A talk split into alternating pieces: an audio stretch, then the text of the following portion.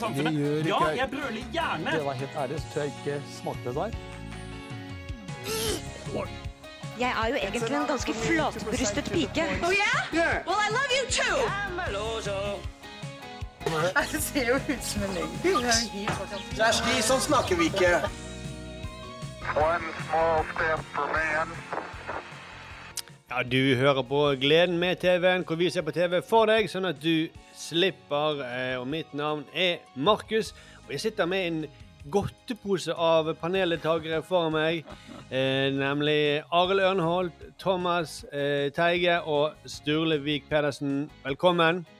Hva det er? Det Det er ikke det ofte de sier det. Fritt, fritt, Jo, for jo, å de gjør være, fritt for å være det sånn sure dødninghodet Ja. i godteposen.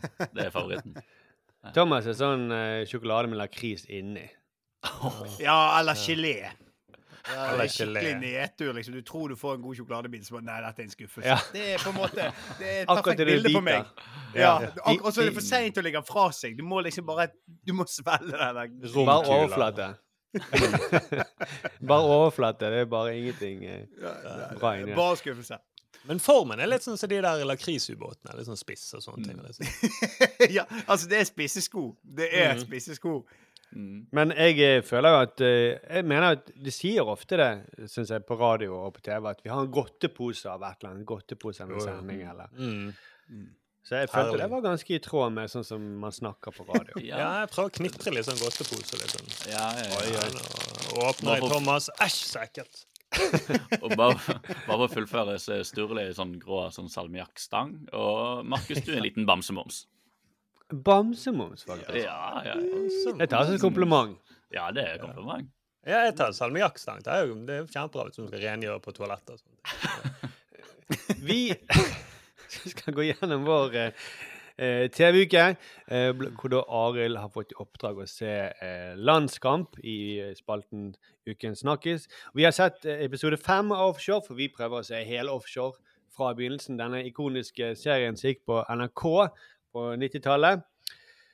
Eh, eller Steinars Shore, som vi kan kalle det for. Jeg tror det, det handler jo bare om Steinar Lindbekk etter hvert. Uff, Steinar. Eh, og så uh, Og så uh, kanskje, Thomas, du skal få lov til å si noe som har um, Du har Som vi aner litt hva det kan være.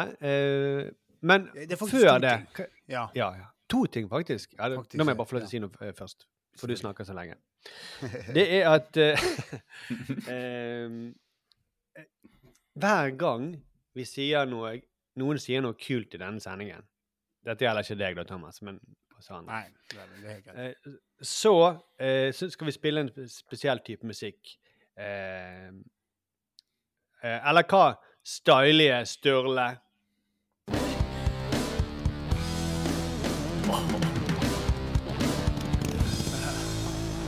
Unge og brede. Ja, for de som ikke har sett uh, Offshore, uh, så er det da Torbjørn Harr-musikken. Den dukker opp i Offshore hver gang Torbjørn Harr dukker opp. Så jeg hører det. Han er bare med i noen korte klipp, og så går han ut. Han er jævlig tøff, og så kommer denne musikken. Ståle, en gang til.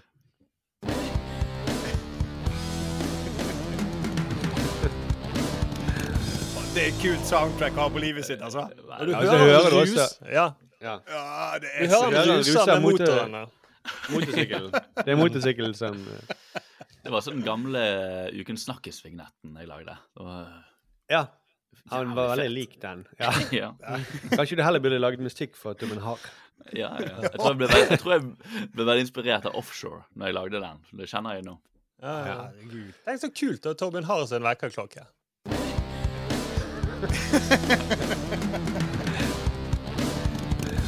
Sånn står han opp hver morgen. Aha. Men det er også det han hører på når han skal legge seg om kvelden, tror jeg. Mm. Ja, ja. Da sier han god natt, familie.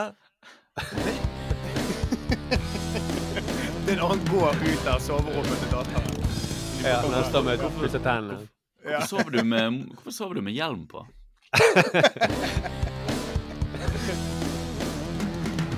Jeg har lyst. Men du kan angående når vi Ja, jeg var angående skjønner, Dette er en ganske smooth overgang til sånn angående kule ting. Ja. Eh, for det er det første ting jeg har lyst til å si. Det er det at eh, På fredag eh, så, så, så, så var jeg på konsert med min eh, barndomskamerat Jan Erik. Ja, ja, ja, ja, det passet! Det er passet, ja. Men det som skjedde da Jan Erik er en sånn venn som eh, jeg, regner med dere har. Sånn, man, man ses ikke så ofte, men når man ses, så er det jævla hyggelig.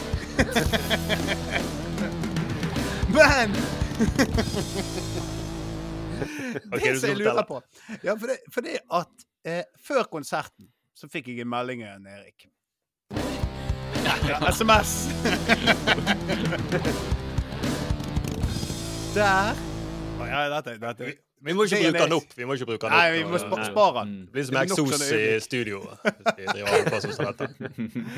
Men OK, jeg bare får ta det. Jeg fikk en melding av Erik før konserten, der han spør Anbefaler du forresten spisse sko på konserten? Og nå har jeg så lyst til å trykke på den. eh, Ja, nå har du trykt for mange ganger! Du hadde et øyeblikk her, nå har du ødelagt det. Men det som jeg lurer på nå, er hvordan tror egentlig våre lyttere at jeg ser ut? Og hva jeg går med?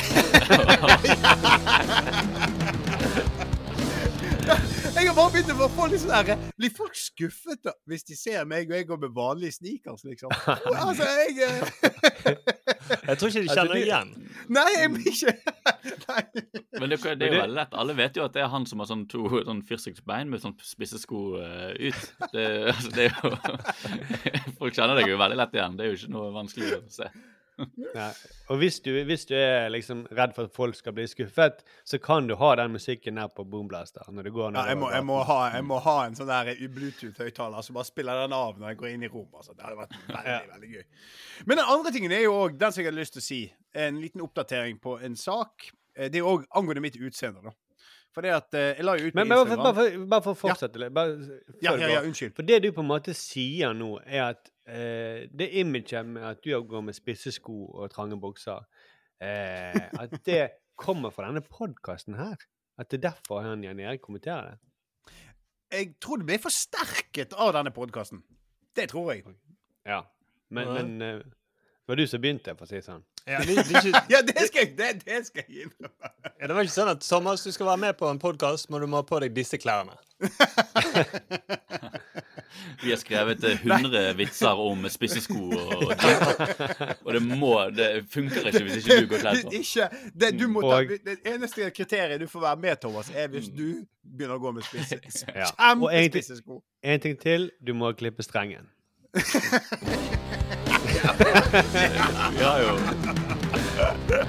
Det Sjokket for lytterne er jo når de finner manuset til podkasten. Og Ja. hvordan vi har skrevet Ja, ja. Alt, alt dette er jo skrevet og planlagt. Ja, ja, ja. Det er jo en TV-podkast som også er en TV-serie. Ja, ja. Og for, for eh, de som ikke så hørte forrige sesong, så, så tok altså Thomas og klippet strengen i forrige sesong, Mm. eh, Mm. som var en stor del av podkasten. Eh, Mm.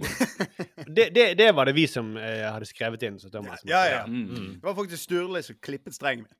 Ja. Ja. Mm, Vi måtte finne en sånn ting som gjorde han mer likende, da. For uh... Ja, jeg måtte bli steril, for jeg var for, det var for mye bra egenskaper på meg. Ja. Men den andre tingen du skulle ja, fortelle, den andre Thomas. tingen, ja, den andre tingen. For det er jo apropos utseendet mitt. For det at jeg eh, fikk eh, For de som uh, uh, følger meg på Instagram, det er ikke så mange, men hvis noen av dere gjør det, så så dere at jeg la ut Jeg fikk en sånn eh, et sånt rolleforslag basert på min profil i går. Eh, Mm. Og det var ehm, A new matching role to your talent profile is available. Chubby man, 35 to 45. Take care to find out more. Kan, kan du bare forklare for meg, Thomas? Ni- er du del av noe sånn tjeneste? En sånn her Du, jeg, jeg, jeg, jeg har blitt det. Og eh, blitt der det, kommer ja. det sånn der uh, Det kommer det sånn der De finner roller som passer til meg. Men Mm. det som er utviklingen Men har blitt det? Blir man bare det? Nei, jeg har meldt meg Jeg, jeg, har meldt meg inn. Jeg har meldt meg inn aktivt. Gjort det. Har ikke vært Betalt penger ganske... for det? Nei, nei, nei. Gud bedre. Dette her Er det- var bare noe jeg gjorde når jeg kjedet meg. Dette er Men- rollen din som rygg i verdens verste menneske. Ja, nei eh, den kom, ja, det, det, det, det, er en annen- det er en annen historie. Men, uh, men det var en jævla bra rolle, da. Det var Ja, en av de beste ryggene. Men det som var Jeg fikk Chubby denne man her. med tight jeans. Hør, hør, jeg fikk denne her. Chubby man, 35 til 45. Mm. Følte det var et slag i ansiktet. Og så får jeg en melding etterpå på innboksen. Hei, Thomas. Sorry, but you are too good looking for this role. Nei. Nei! Og så svarer jeg This made my day. Så flere timer seinere så kommer det Actually, the director likes you. så, så betyr det at jeg er chubby likevel? At di- director bare Nei, han er, han, han er ikke Han er ikke do good looking, han er chubby. Ja. Så de, We are presenting you for the client tomorrow, står det. Wow. Oi. Oi, oi, oi.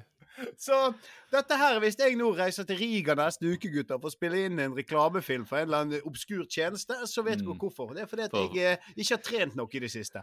Ja, det er vel reklamefilm for, reklamefilm for den der eh, melke, den der eh, melkesjokoladen som du spiste Ja. når du så på Skal vi danse. Men du skal til Riga og være chubby og reklamere for noe? Hvem Nei, det var- andre s- nordmenn er som har vært i Riga eh, Ja. og spiller chubby? Mm. Skal du reklamere for horehus, eh, Thomas? Du, You jeg, know how eh, to ride a water. Vannskuter? Mm. Nei, jeg jeg, jeg, jeg, jeg, Altså, jeg, jeg, jeg tror ikke jeg gidder å reise til Riga. Da må de Dette blir veldig bra plotline i nysesongen, Thomas. Jeg tror du, at du Mm. skal bli eh, superstjerne i Riga. er jo Det er jo det vil jeg faktisk Både. Nederland, Nederland og Riga. Ja, jeg har det ikke her. eh, Alle andre steder Alle andre steder enn Skandinavia. Enn i virkeligheten, er det du mener? ja. Ja, for vi tror ikke helt på det. Nei. Ja, men det OK. Men det var en oppdatering på den uh, saken, og selvtillit min er knust. Så jeg går inn i denne sendingen her med, uh, med, med mer brukket selvtillit enn jeg pleier. Så det kommer til å være grei med meg. Ja. Nei. Det var bra Markus startet da med å kalle oss for en godtepose. Da. Ja. og den eh, boksen med Delfia-fett Thomas Tegge. Det er, Kåret til Delfia-fett. Men og, da er det tid for uh, ukens Snakkis-spalten. Woohoo! Ukens snakkis.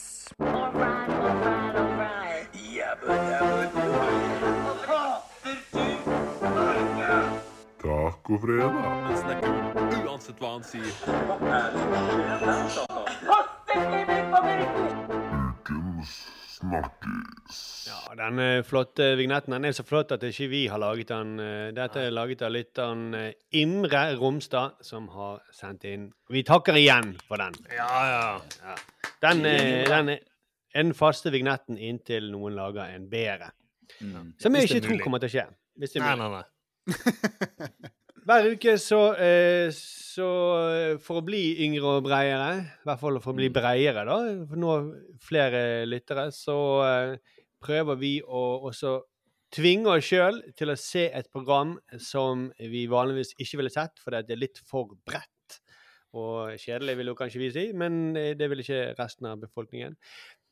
Og da må vi, trekker vi en av oss som må se et eller annet veldig folkelig og bredt. Og um, denne uken så ble det Arild som måtte se TV 2s eh, dekning av landskampen mellom eh, Norge og Slovenia. Ja. Mm. Og du er jo ikke veldig interessert i fotball, for å si det Nei, det altså Jeg syns det er vittig du sier sånn Nå skal vi se noe som folk ikke ville sett, og sånn. Når du hadde sett denne kampen uansett, på en måte. Ja. Eh, og kunne da snakket om han på poden. Ja, sant. uansett. Ja. Mm. Mens jeg som ikke visste at denne kampen fantes engang, måtte sette av tid på lørdagskvelden til å se. Men det syns vi var gøy, da. Ja, det synes jeg, det. Jeg skjønner jo, Denne trekningen blir, er jo veldig sånn tydelig for meg hvordan den funker. Men um, Men jeg skal bare si Nei, ja, at det ja. kunne blitt Markus hvis det var han som ble trukket. Men det ble det jo Ja, ikke. ja. ja, sant? ja, selvfølgelig. Da hadde jeg sett det. den. Ja, ja, ja. Ja, nei, nei, jeg har sett, eh, Mitt forhold til fotball det er flytende. da. Eh, Det er, nok, det er et sånn spekter at jo mer viktig kamp, jo gøyere. Mm. er jo en greie. Jeg liker jo idrett, på en måte. Se flinke idrettsutøvere på TV, liksom. Eh, men um, Og så er det selvfølgelig Norge mot Slovenia. altså. Ja, liksom det. Men, men så har du også det hvis, å se, se veldig talentfulle idrettsfolk er jo også gøy, da. Så mm, vi har jo Haaland, sant? han har jo snakket så mye om. Så jeg, jeg prøvde jo å finne liksom noe glede i dette her. Mm. Uh, men jeg kjenner jo kanskje at um, jeg, det ikke var min mest lidenskapelige TV-opplevelse. Nei, og det var jo Du var, var litt uheldig òg med Ja, og så var det en ting til som jeg innså plutselig. At uh, de skulle spille enda en kamp denne, uken. De hadde to Mm. kamper. Andre kampen var på en onsdag uh, som Tors- Torsdag? Tirsdag. Tirs- Tirsdag. Ja, det var på tirsdag. Og den, det, den virket jo også enda viktigere av en eller annen grunn. Og det var i arbeidsuken, og ikke på lørdagskvelden. Hvor jeg Ja. Jeg, følte Jeg vet ikke, jeg bare følte Jeg hadde jeg vet ikke, jeg, nei, jeg, men hvis- jeg, hvis er litt hadde- mutt. Jeg er litt mutt. Jeg skjønner det. det, Ja. Mm. Men, men, Men, den, men du regner med ut du å begge kampene, for det liksom en, de henger sammen. Ja, ja, Det det, gjorde det, er jeg ikke. Det gjorde som- jeg ikke. Det gjorde jeg ikke. det er nesten som Ringenes herre-triologien. Du må liksom se alle filmene. Og du så sendingen fra klokken ett på tirsdag. Nei, men. Nei, men jeg er spent på Ja. Mm. Jeg må bare oppklare, Arild, at uh, den kampen nå som var på tirsdag, den hadde ikke vært viktig hvis de hadde, hvis de hadde vunnet nå på lørdag, da. Ja. Sant? Så hadde ikke de trengt å eh, ta poeng i den siste kampen. Mm. Mot Det er litt som om hvis de hadde klart å ødelegge ringen i første film. Ja. Ja. Men for, veldig bra. Men for det, da hadde de vunnet, vunnet Nations League-gruppen.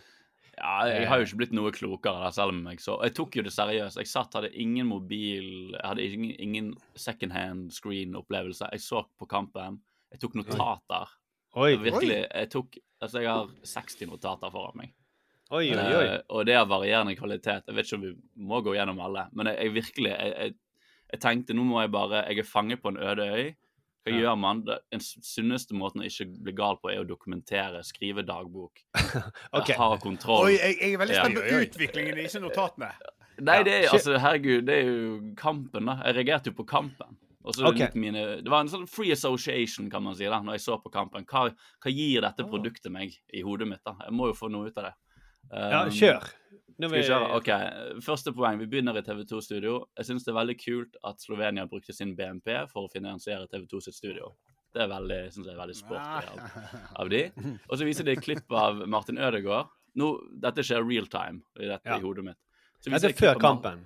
Før kampen, de er i studio, viser de klipp av Martin Ødegaard. Jeg lurer på, har han gebiss? ja. Perfekte tenner. Ja, han ser, men han ser sånn gammel og ung ut. Han er veldig skummel. Jeg syns han ser faktisk litt skummel ut. Veslevoksen er det heter. Ja, han er også en kaptein og så ung. og Jeg vet ikke, et eller annet freaky man. Så viser de en eh, segment, et forhåndsinnspillsegment med han der Østigård. Han, eh, er han forfa- forsvarsspiller. Veldig flink Ja. til å heade. De skryter veldig av at han er flink til å heade. Eh, Selv om han er så lav, sier de. Han er Ja. 1,83, som er ganske høyt i min verden. Ja, I din men- verden, ja. I din verden. Han er like høy som meg. Eh, og like skallet uh, som meg. Så det jeg, blir jo litt så, jeg gleder meg til å se han spille der pga. dette her. Men så får jeg vite, så sier de at keeperen vår han spiller ikke på en klubb. Og da begynner jeg å bekymre meg for keeperen vår. Mm. Det, ja. Og så sier de han er Sesko på andrelaget. Han er veldig flink, sier de. Og da begynner jeg å grue meg til at han skal spille mot oss. Så de skaper tension her. Ja, og, og så er det reklamepause. Uh, og så blir jeg litt skremt av de øynene i den Brilleland-reklamen. Um, og så ble jeg litt provosert av Flytoget, som sier at det er nesten det er, de, de skryter av at de tar deg nesten hele veien. Uh, som at de, liksom, de flyr deg til Italia, på en måte. Jeg blir bare litt provosert at de prøver å ta æren til flyselskapene.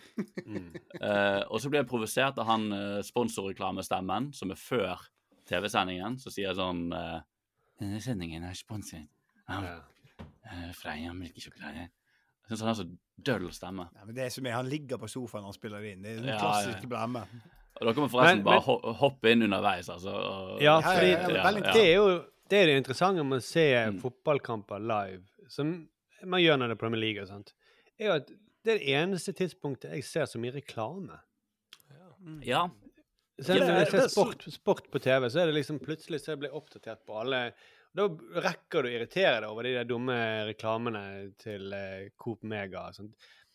Ellers så ser jeg jo aldri reklame. Jeg ser det kanskje sånn i ti sekunder på, før et klipp på VGTV eller noe sånt. Ja. Men jeg klarer å unngå det ellers. Ja, Og det for det har slått meg egentlig, Markus. Du har alltid veldig koll på reklamer. Når vi snakket om Ja, andre ting, hva skal vi lage sak om, eller noen sånne ting. ja, du minner meg om den den reklamen, så jeg tenker, hvor ser dette? Det er Premier League eh, når jeg ser på det. Når det er Ja, sesong i Premier League. Det så burde. Nesten alle reklamer burde jo bare være rettet mot folk som ser på fotball. Hva er poenget med å markedsføre til noen andre? For det er jo kun når man ser fotball at man Skal vi danse, sitter- kanskje? Ja, skal vi danse, ja. Um, ja, så er vi tilbake, og så ble jeg nysgjerrig, for de gjør en greie med han Solbakken, treneren. Og så lurer jeg oppriktig på, er man landslagstrener hele året? Det er en jobb Ja. man Er man det? Men Mm. hva gjør han på når de ikke Det er jo en periode hvor de ikke spiller landskamp. Ja, på julaften går han hjemme med familien sin. Han drar og ser på eh, kartlegger spillere. Det, men det er jo en mye mer behagelig jobb enn å være klubbtrener. Eh, Men han reiser rundt, eh, snakker med spillernes støtteapparat i Manchester City og, Mm. og, og ser hvordan Han må jo bare se masse kamper for å se, se alle norske spillerne som er aktuelle. Ja. Uh, og så går de videre. Nå er det Haaland-segmentet. Uh, og de bare, nå skal de begynne å skryte av Haaland. Det er det eneste de gjør. Eh, og de viser masse sånn klipp av at han skårer mål. De er veldig de er så gira. Og jeg, jeg, syns det, det er litt kjedelig å se på sånne Haaland-klipp eh, når han skårer mål. For det, det er kun sånn ja, Får ballen, ballen går i mål. Han får ballen, ballen det, liksom, det er ikke noe Det er bare en, det er samme, samme klippet om igjen og om igjen. Ja, ja, han, han er ikke noe sånn her uh, finesse. Han, han er ikke noe jålete, sånn tar masse finter og sånt. Han, han er jævlig effektiv. Han skal bare skåre. Ja, ja ikke sant?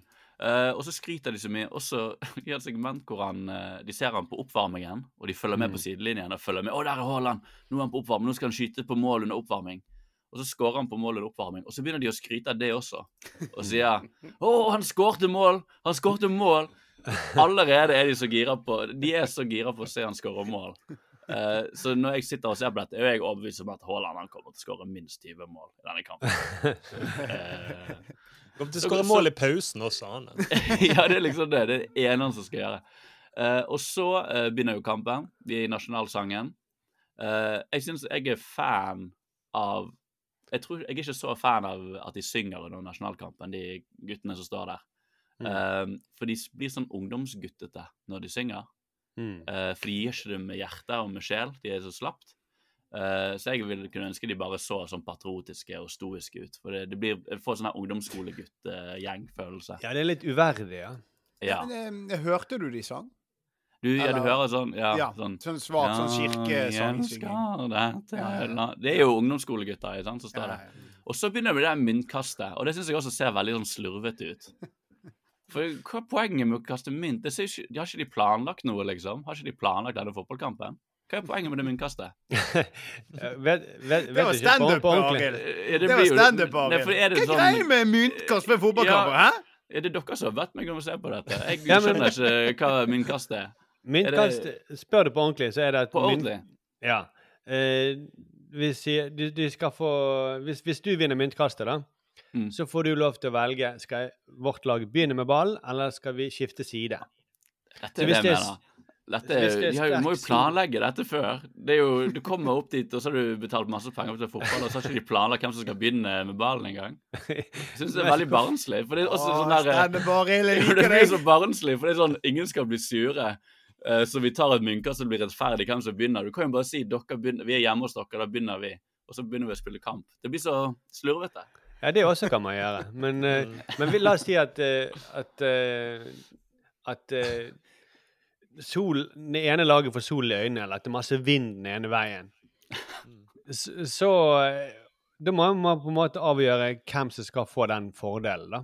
Er Eller det no, skjer, det, skjer det noen gang? Fordi lagene går Ja. jo opp til hver sin side. Er det noen som sier sånn Folkens, vi er nødt til å bytte fordi vi syns det Ja. var litt mye sol på den siden? Ja, Det, ja. det skjer. Det skjer. Herregud. Det er utendørsidrett, så da er det sånn. Det skjer jo det. Ikke basketball, som du liker. Der, er- der er du i det samme. Ja, det, men det det, du vet det er en produksjon. Du vet hva du får. Uh, de har faktisk planlagt det og lagt penger i, i så de vet Du skal få Men det du betaler for det. Bare før du går litt videre, jeg bare kom på at For jeg så litt Mm. av denne oppladningen også. Eh, og Mm. de, de, TV 2 er veldig flink til å hause opp. Og Østegård Mm. søker høyt en hopper, og bla, bla, bla. Og så har de ofte med seg Drillo, men han de, de er så livredde når han begynner å prate, for han eh, han trekker det alltid ned. Han er så nøktern, sånn at han sier at eh, ja, ja de, er gode, de er godt organisert der bak, men jeg tviler Når de nettopp hauset Østegård veldig Mm. opp. Men eh, kvaliteten på spillerne våre, den tror ikke jeg er god nok. OK, vi må videre. Ja, ja, ja. han er for nøktern og rett. Mm, før han begynner med å kommentere myntkastet, så går de videre. For jeg skal- ikke lyge.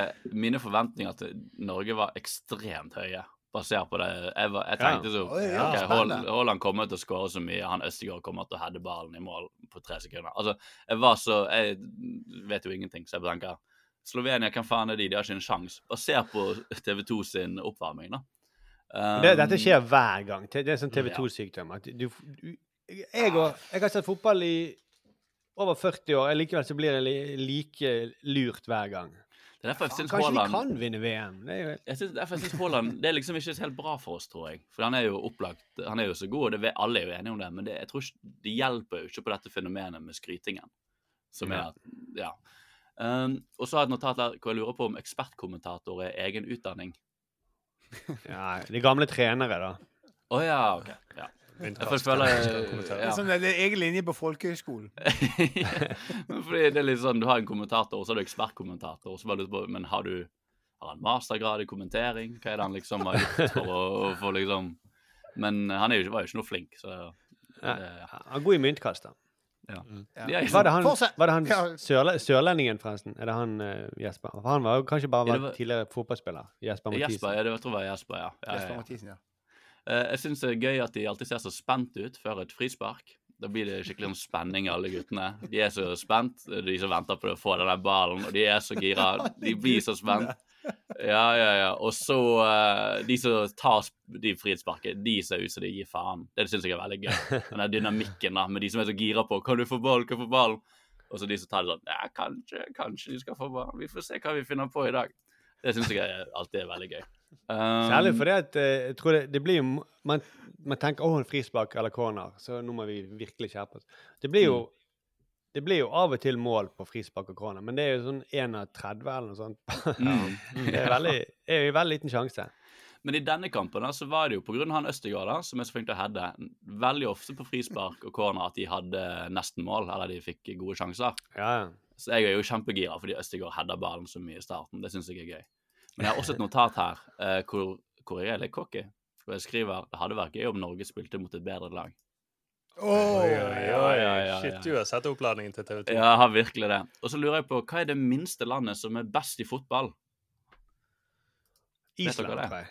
Ja, jeg vet ikke. Jeg, jeg bare nysgjerrig. Liksom, eh, hvor mange bor i Sveits, da? Sveits er jo jævlig gode. Island, det bor, jo, det bor jo bare 300 000 mennesker der. Og de har jo Ja, men de har, men de eh, har, de har jo de proffer i hele Europa. I forhold til folketallet er de klart Jo best i verden. det, det, Ja, det, Og har kommet til De har slått England i EM. Eh, Ja, for det jeg husker jeg de- er veldig gøy. Jeg tror Det er jo de man skal lage film om, da, på en måte. Hvis ja. i den store fotballfilmen, så er det jo Island, føler jeg. da. Jeg tror jeg er laget. Ja, sikkert. Den, Uh, Eh, og så i kampen blir det mye sutring fra spillere uh, på dommeren, fordi Jeg vet hvem faen vet. Og så lurer jeg på det minste man kan anklage en fotballspiller for, som de fremdeles blir sur for. For det virker som de blir sur for alt. Hvis du bare sier sånn Hei, du, ikke, du må ikke dytte. Og så blir de sånn Jeg dytter jo ikke! De blir så sure uansett. Du får litt konstruktiv kritikk på fotballbanen, og så blir de så provosert. Det syns jeg er veldig en dårlig holdning da, i livet. ja, og sånn ser det ut. Men når man av og til så kommer det fram hva de faktisk har sagt til hverandre. Og det er sykt drøye ting, da. Det Det er sånn jeg skal, ja, jeg skal knuse beina dine og liksom eh, hate din mor og Voldta hele familien. Ja, det er litt sånn på det nivået av og til. Mm. Um, ja, nå, ja, så det er fint å se at panneluggen lever det gode liv i Slovenia. jeg. Um, og, og så holder han borti ballen, da. Uh, og da får han så mye skryt. Fordi han er an i ballen en gang. Og de blir så. Han er så flink når han er borti den ballen. Det blir ikke noe ut av det, selvfølgelig, men det er bare kommentatorene blir så glade. Uh, og så er det Det var første omgang. Ja. Mm. Ja, ja. Men bra du ikke så to kamper. Ja. Så det er liksom dette det går i. Altså, jeg vet ikke om det er så mye mer altså, hva vi har. De skårer jo mål da, på et tidspunkt i første omgang. Veldig fort så blir det skåret mål. Uh, jeg syns ikke det er nødvendigvis var et ekte mål, for det er jo keepertabbe. Eh, så jeg lurer på om det finnes Ja, for det er jo keepertabbe. Han kaster jo ballen bort til Haaland, så bare dytter han inn igjen. Ja, Og jeg sånn, lurer på Ja. om, om det finnes en offside-regel for tullete mål. For det virker så urettferdig når de har jobbet så hardt, og så liksom er det tullete Nei, det- mål som Det virker Det så finnes ikke. Det finnes Gjør ikke. ikke det? Det gjør ikke det. Ja, det ikke det, altså. Men nå skrev jeg eh, Ja, ikke sant? Og så skrev jeg fremdeles litt cocky. Jeg tror fedrene til Slovenia-spillerne burde ta seg en debatt om spillerglede.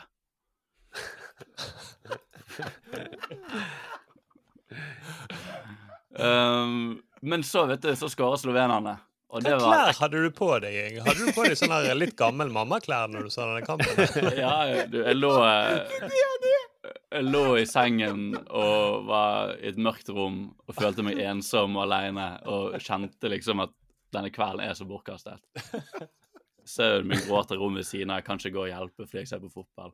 Det var ikke en god kveld. Jeg hadde ikke det gøy med dette. her. Eh, Så har vi et mål da for slovenerne, og det er et ekte mål, så det godkjenner jeg. Og så har vi en innbytter som er skallet, og så er det plutselig tre skallede unge menn på banen. Og tenker jeg, Det er jo det som skjer med han her Solbakken. Han bare henter inn alle de skallede 20-åringene som han finner. Eh, De har ikke fått til noe annet. Um, og så liker jeg det movet når en spiller vet de har skutt en dårlig, dårlig innlegg, og de bare med en gang legger seg ned for å dø. Det syns jeg er veldig morsomt å se. Mm. Um, ja, et sånn mammapoeng, da. At uh, fotballbaner er ti meter for lang, syns jeg. Fordi det er et sånt område i midten hvor det ikke skjer noe. hvor det bare liksom Her det aldri er noe action. De kommer ikke fram. Så hvis det var ti meter kortere, så hadde det fått litt mer fart og spenning da, i kampen. Ja, men det, det, og det er også eh, typisk Norge-kamper, da. Hvor det ikke skjer oh, ja. så mye. Manchester City spiller masse på midten her. Det gir masse eh, fine greier. OK, så det, det går an å ha det gøy i midten, ja. Okay. Ja. Ja. For jeg syns du skulle foreslått hva, man kunne jo dyrket noe på denne midtbanen. Kjempefine bringebær kunne du fått? Ja, ja, ja. Så ble det mål igjen. eh, denne gangen nok en gang Slovenia. da, Og det var et tullemål. Det var keeperen vår som slapp inn en ball fra sånn 100 meter eh, på andre siden. Eh, og da sier de igjen offside-regel for slappe mål. Det virker bare sånn Det hadde hjulpet Det hadde vært mye mer tilfredsstillende. Spillerne føler seg bedre til slutten, da.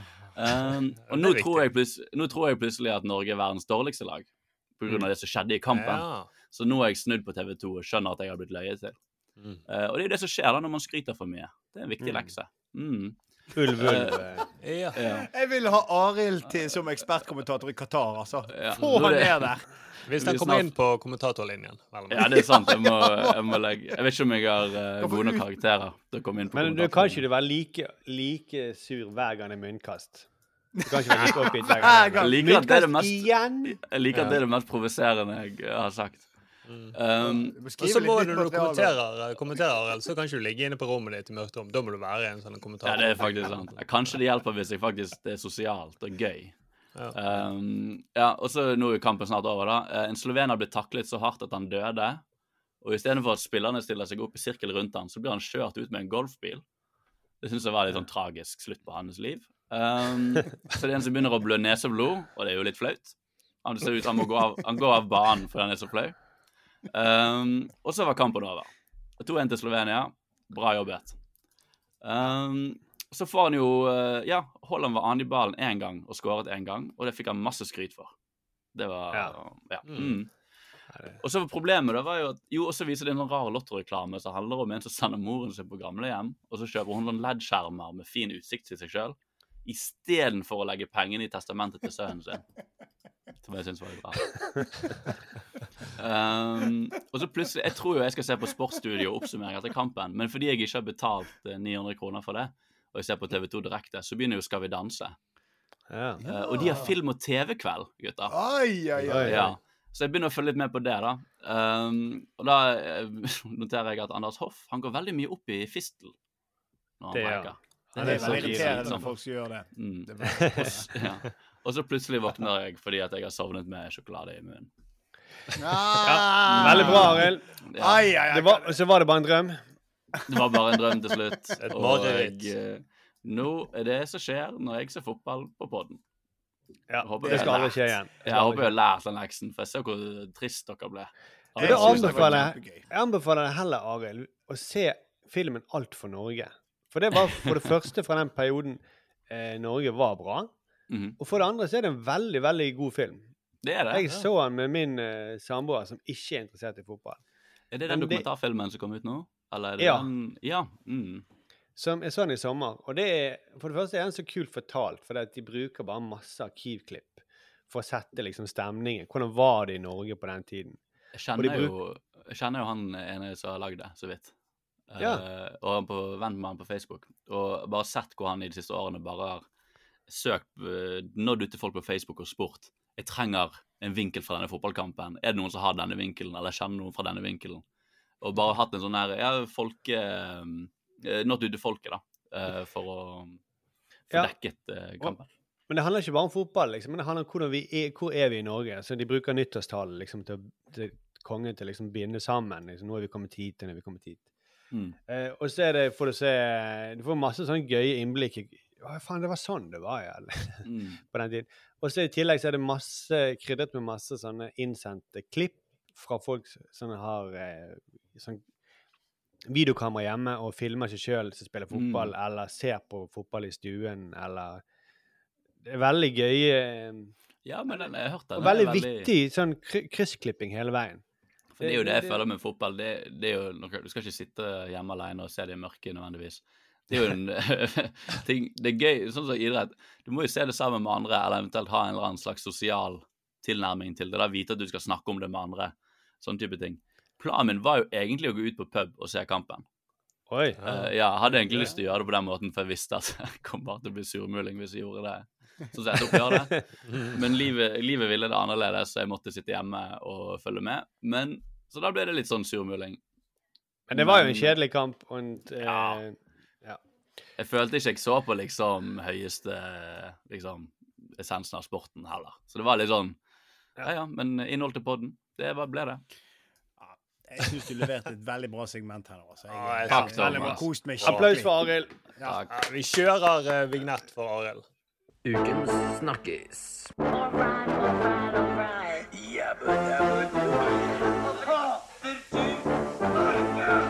Tacofredag. Han snakker. Uansett hva han sier. Ukens snakkis. Vi skal snart gå gjennom vår TV-uke, men jeg eh, begynte jo forrige gang med en sånn quiz fra NRKs eh, arkiv, for de har jo et stort arkiv på sine nettspiller. hvor Alle programmer som har gått, og som finnes lagret på NRK, skal etter hvert inn i NRKs nettspiller. Og der er det mye gull. Eh, og nå skal vi høre et klipp fra eh, et program som het Vise. Som var altså ledet av Klaus Vise. Eh, ja. Som var veldig stort. Det var fredagsunderholdning på NRK. Og dette er et klipp med Alex Rosén, eh, spilleren er en eh, veldig sånn kul slags eh, gravende journalist. Han kunne nesten hatt det sånn her Torbjørn Harr-musikk. Eh, men han er sånn gravende journalist. Eh, og vi kan bare høre klippet, så kommer spørsmålet etterpå. Følg med. Kom her nå. Hurry, hurry! Come quickly! There's been an accident! A terrible, horrible accident! På full fart, ikke sant? Det er sånn det er, ikke sant? På full fart og opp og ned, inn og ut av Bislett-bad for å finne homofile. Wow! OK. Eh, spørsmålet er da Hvorfor eh, hørte vi dette skriket her? Fordi om jeg hørte han riktig, så var han på Bislett Bad for å finne homofile. Ja, homofile. Homofile, ja. Jeg tror du sa homofelle, trodde jeg han sa. Ja, ok. ja. Nei, instinktet mitt er vel at han går inn i det man gjør da når man er morsom og er eh, på et bad, er at man går inn i feil garderobe, da, kanskje? Det var veldig vanlig tydeligvis på 90-tallet at menn gikk inn i damegarderober. Gikk Ja. feil. Og, så, og da er jo vanlig prosedyre at eh, kvinner skriker, da. Ja, skriker det samme skriket eh, som Helt samme lyden. Det, Samme skriket som vi hadde da i episode to, var det vel i Offshore? Det var mye verre. Ja, det Det var drama. verre. Ja. Det Ja, det var dra- Det var drama. Det var litt sånn uh, psycho så jeg holder på å bli knivstukket i dusjen. Det var jo, det var jo Steinar som løp inn også, så skjønner jeg godt at de skrek. Han har mye større muskler enn uh. Altså, men han uh, uh, Men det er absurd innslag eh, når Alex Rosén Fordi det er så til avisen at det er veldig mange eh, homofile på Bislett et problem at de møtes der, og så tar de for seg eh, De gjør noe seksuelle greier med hverandre i badstuen og sånt. Eh, og så løper han liksom rundt og prøver å finne homofile. Eh, og så er det noe som er åpenbart er homo der, da. Og så til slutt forsøker Så løper de etter han. De, de spiller veldig sånn outrert av rosa badebukse. Han skjønner ikke at de er homofile, og så på slutten så løper de etter han uh, for å ta han. For å gi han aids. Sånn som han aids. Sånn som man tenkte på 80-90-tallet. Så rart opplegg, da. Så hørtes hopper han fra femmeteren, eller timeteren, og dødser da, med dress på og sånt. Ja. For han har vært med i NM i dødsing. Ja. Mm. Så han tenkte å, det, det kan være en kul slutt. eh, At jeg dødser. Og det høres ut som iransk TV, da, at man skal finne homofile i beste sendetid. Det er underholdning. Ja, Nå skal vi spore sånn... de opp.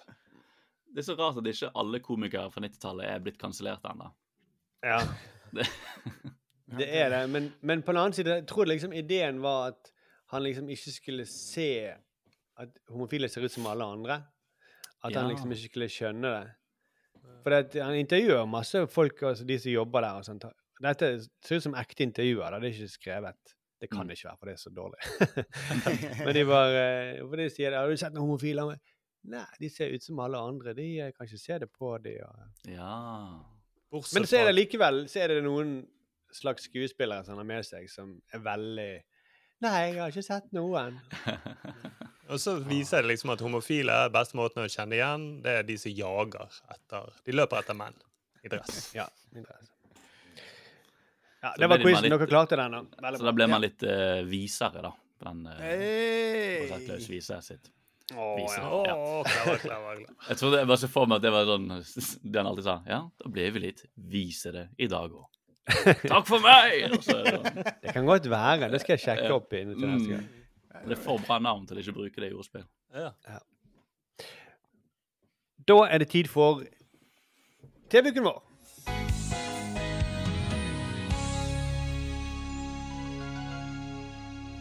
Da vil jeg faktisk begynne med min eh, TV-uke, da. Eh, og jeg har ikke sett på lineær-TV, eh, men jeg har sett på VGTV. Jeg har sett Ikke lov til å le på hytta. Hey. Ja. Eh, og da eh, tenkte jeg, eh, som en greie, liksom, eksperiment, at mens vi snakker om dette her, så er det ikke lov til å le. OK. Da Er dere med på har vi det? Begynt, har vi begynt nå, eller kan jeg le ferdig litt, grann, også? Thomas er allerede ute. Nei, nei, nei, men eh, har vi begynt? Nå lo jeg. Vi kan begynne fra nå, da. da. Så er den fløyten.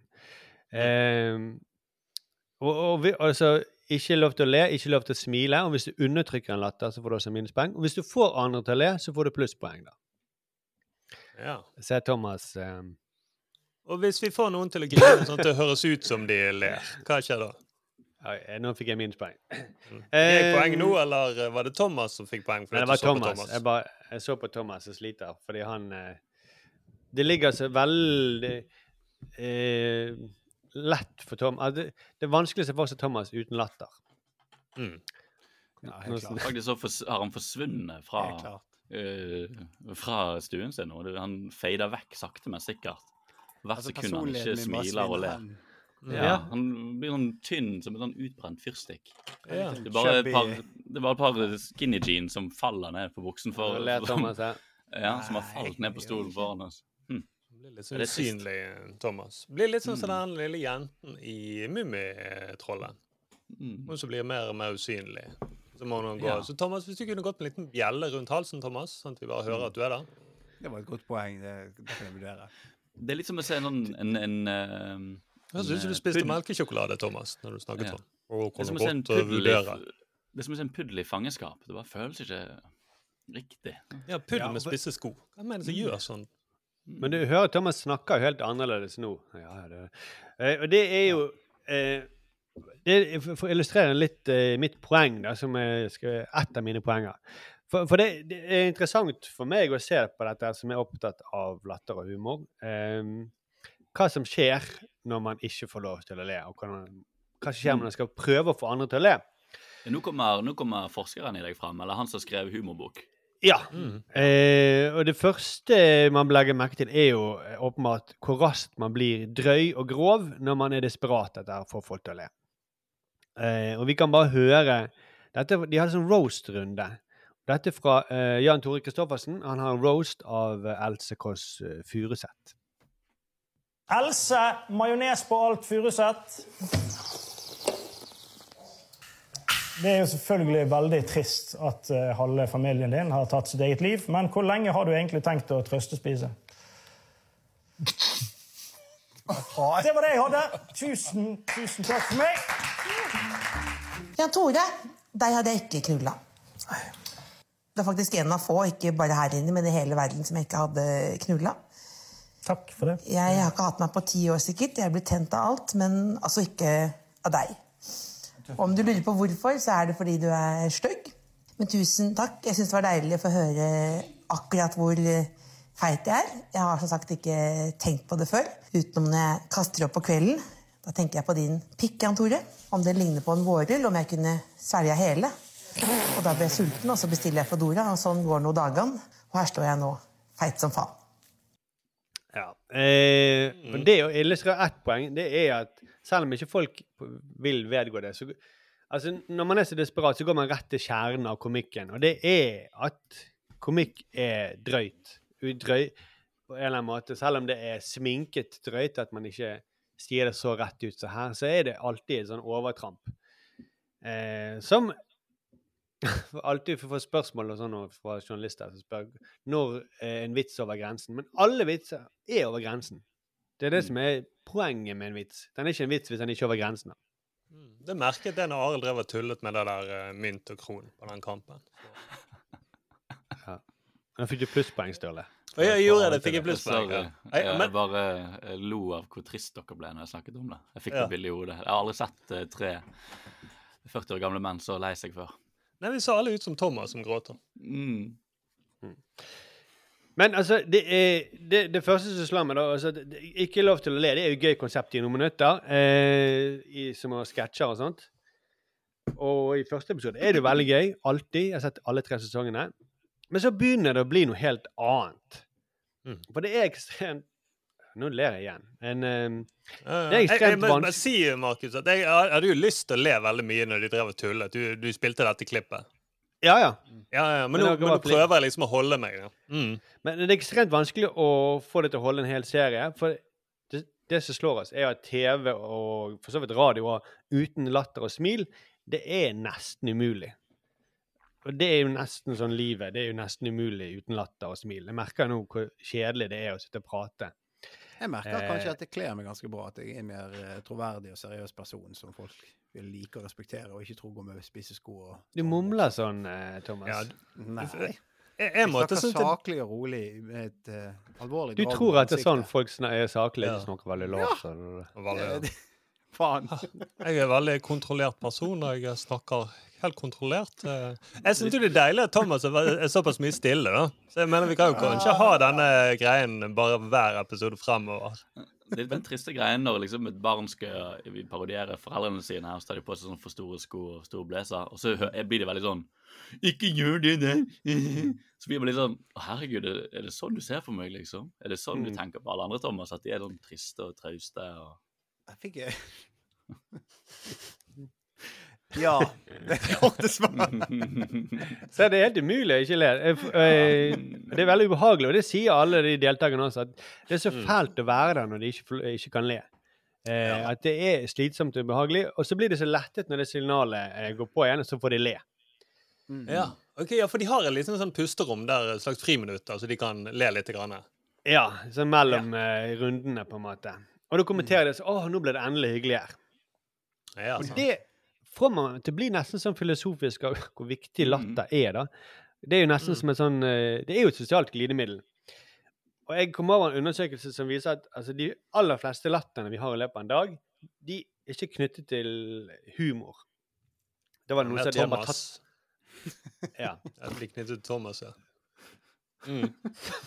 Det, og det er jo ingenting morsomt med Thomas. Nei, nei, nei, nei, nei, ikke i det hele tatt. Men eh, og de, og de, For de fleste De har tatt, tatt opp bare masse samtaler av folk da, i England. Og de fleste latterne kommer etter sånn Hei, der kommer André. Eller etter sånne ryddige pauser i samtale, da. Ja, innimellom i samtale. Sånn nervøs latter, bare for å liksom holde det eh, Holde stemningen oppe. Ja, Som for eksempel hvis det barna banker på eh, toalettdørene og sier 'jeg vil ha melk', så 'kommer snart'. Ja, det kan bety begge deler. Vent litt. Ja, sånn, ja. For eksempel, hvis Thomas gjorde det. Så uten latter så, så fungerer ikke mennesket sosialt. Det er helt uh, tydelig. Og, det, og det, det er jo så rart at programskaperne de har jo skjønt dette her. Fordi altså, I de to første sesongene så endte det jo bare i sånn De siste episodene er bare sånne horrorlignende greier. hvor det ikke skjer noe. Nei. De bare står og, er kjempedrøye, og det er ikke morsomt, og de eh, har det ubehagelig, og det er bare sånn, hørtes hørtes ut som sånn låser seg helt. Hørtes ut som- en rar form for sånn kinesisk eh, terror, eller tortur. Mm. En, sånn, Mm. en slags videreføring av vanntortur som bare er Du har ikke lov til å le. At det Ja. vil, hvis du faktisk kunne tvinge noen til å ikke le, da Ja. Uh, Jeg vet jo ikke om det er mulig engang. Eh, Med mindre man bare traumatiserer de Uff da. Førstemann som ler, Men, blir eh, drept, ja. liksom. Ja, liksom det. Da er det jo Jeg kjenner jo sjøl at jeg blir ukomfortabel på tanken hvis noen stengte meg inn i et rom og sa hvis du ler nå, så dreper jeg deg. Ja. For du vil le med en gang noen sier det. Det er veldig rart at du blir ukomfortabel av den tanken der. da. Men er det ikke lov å le på hytta? Er det lov til å kile de, eller har ikke de lov til å være ane i de? Det har ikke vært borti de. Jo, de har lov til å være borti de, ja. Det, det har ikke jeg sett. noe. Men også, også Nei, for da ville jeg kilt Thomas, da, hvis det var sånn neste som ler blir skutt, så ville jeg kanskje kilt Thomas. Altså. Nei da, jeg ville ikke det, Thomas. Ha-ha, jeg bare tuller, Thomas. Ha-ha. For å unngå det, da, så forsøker de liksom nå å ha det litt sånn opplegg underveis for å liksom skape Å, kommer det plutselig inn en nabo som er sint, og så nå skal de eh, De er litt mer opplegg på slutten, for det virker som i de første I hvert fall første sesong så var det sånn Oi, hva gjør vi nå? Dette her går jo ingen steder, og ingen ler, og det, det er ikke noe gøy å se på. Det, det bare, tiden går. Ja. Og de må Eh. lage en eh, episode til. Ja, de, de må komme seg til finalen, liksom. De Mm. blir aldri ferdig med semifinalen, for det er ingen som ler. Ja, for det er jo bare depresjoner til slutt. Nettopp. Ja, man, Det er faktisk det. Ser, når man ikke selv ser ingen glede i livet. og Det er veldig fælt da, når man altså, går gjennom sånne depressive perioder og bare kjenner at det ikke er noe latter eller glede i noe. Selv når du vet noe du, du ser på noe som du vet du objektivt syns er morsomt, men ikke kommer ut noe latter. Det er jo skadelig, liksom. Ja, ja. Mm. Ja, Jeg, tror, og sånn som det, jeg merker det nå som vi begynte å le igjen. eh, Jeg tror det, var, det, det var kjedelig med den her eh, Jeg tror ikke vi skal ha den her 'ikke lov til å le'. Nei, vi kan ikke ha den for lenge. Da. Det kan, Nei, være, det- det kan ikke være segmenterende. Nei, Vi må høre den ekte stemmen til Thomas, ellers det blir det så rart. Kom tilbake, Thomas. Få høre deg, Få høre deg, Thomas. Vær deg sjøl. Ja da! Thomas er tilbake! Ja, det var godt å høre. Men, men Oi, Oi. var det den kule musikken som kom Det der? var kulemusikken. Ja. Ja.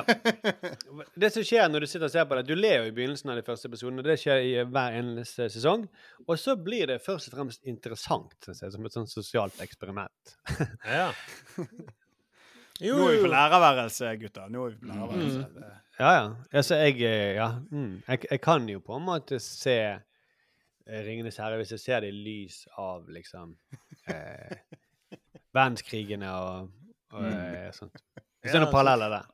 Mm, så når du ser hotellet, for eksempel når du var mindre og så hotellet i særklasse, så hvordan er det egentlig å drive et hotell? Hvis du får plutselig gjester fra Tyskland, og ikke må nevne krigen. Ja, nei, men jeg tenkte mer på hvordan arbeidsforholdet i, i servicebransjen må jo være helt forferdelig. De virker så Ja. pressete. Mm.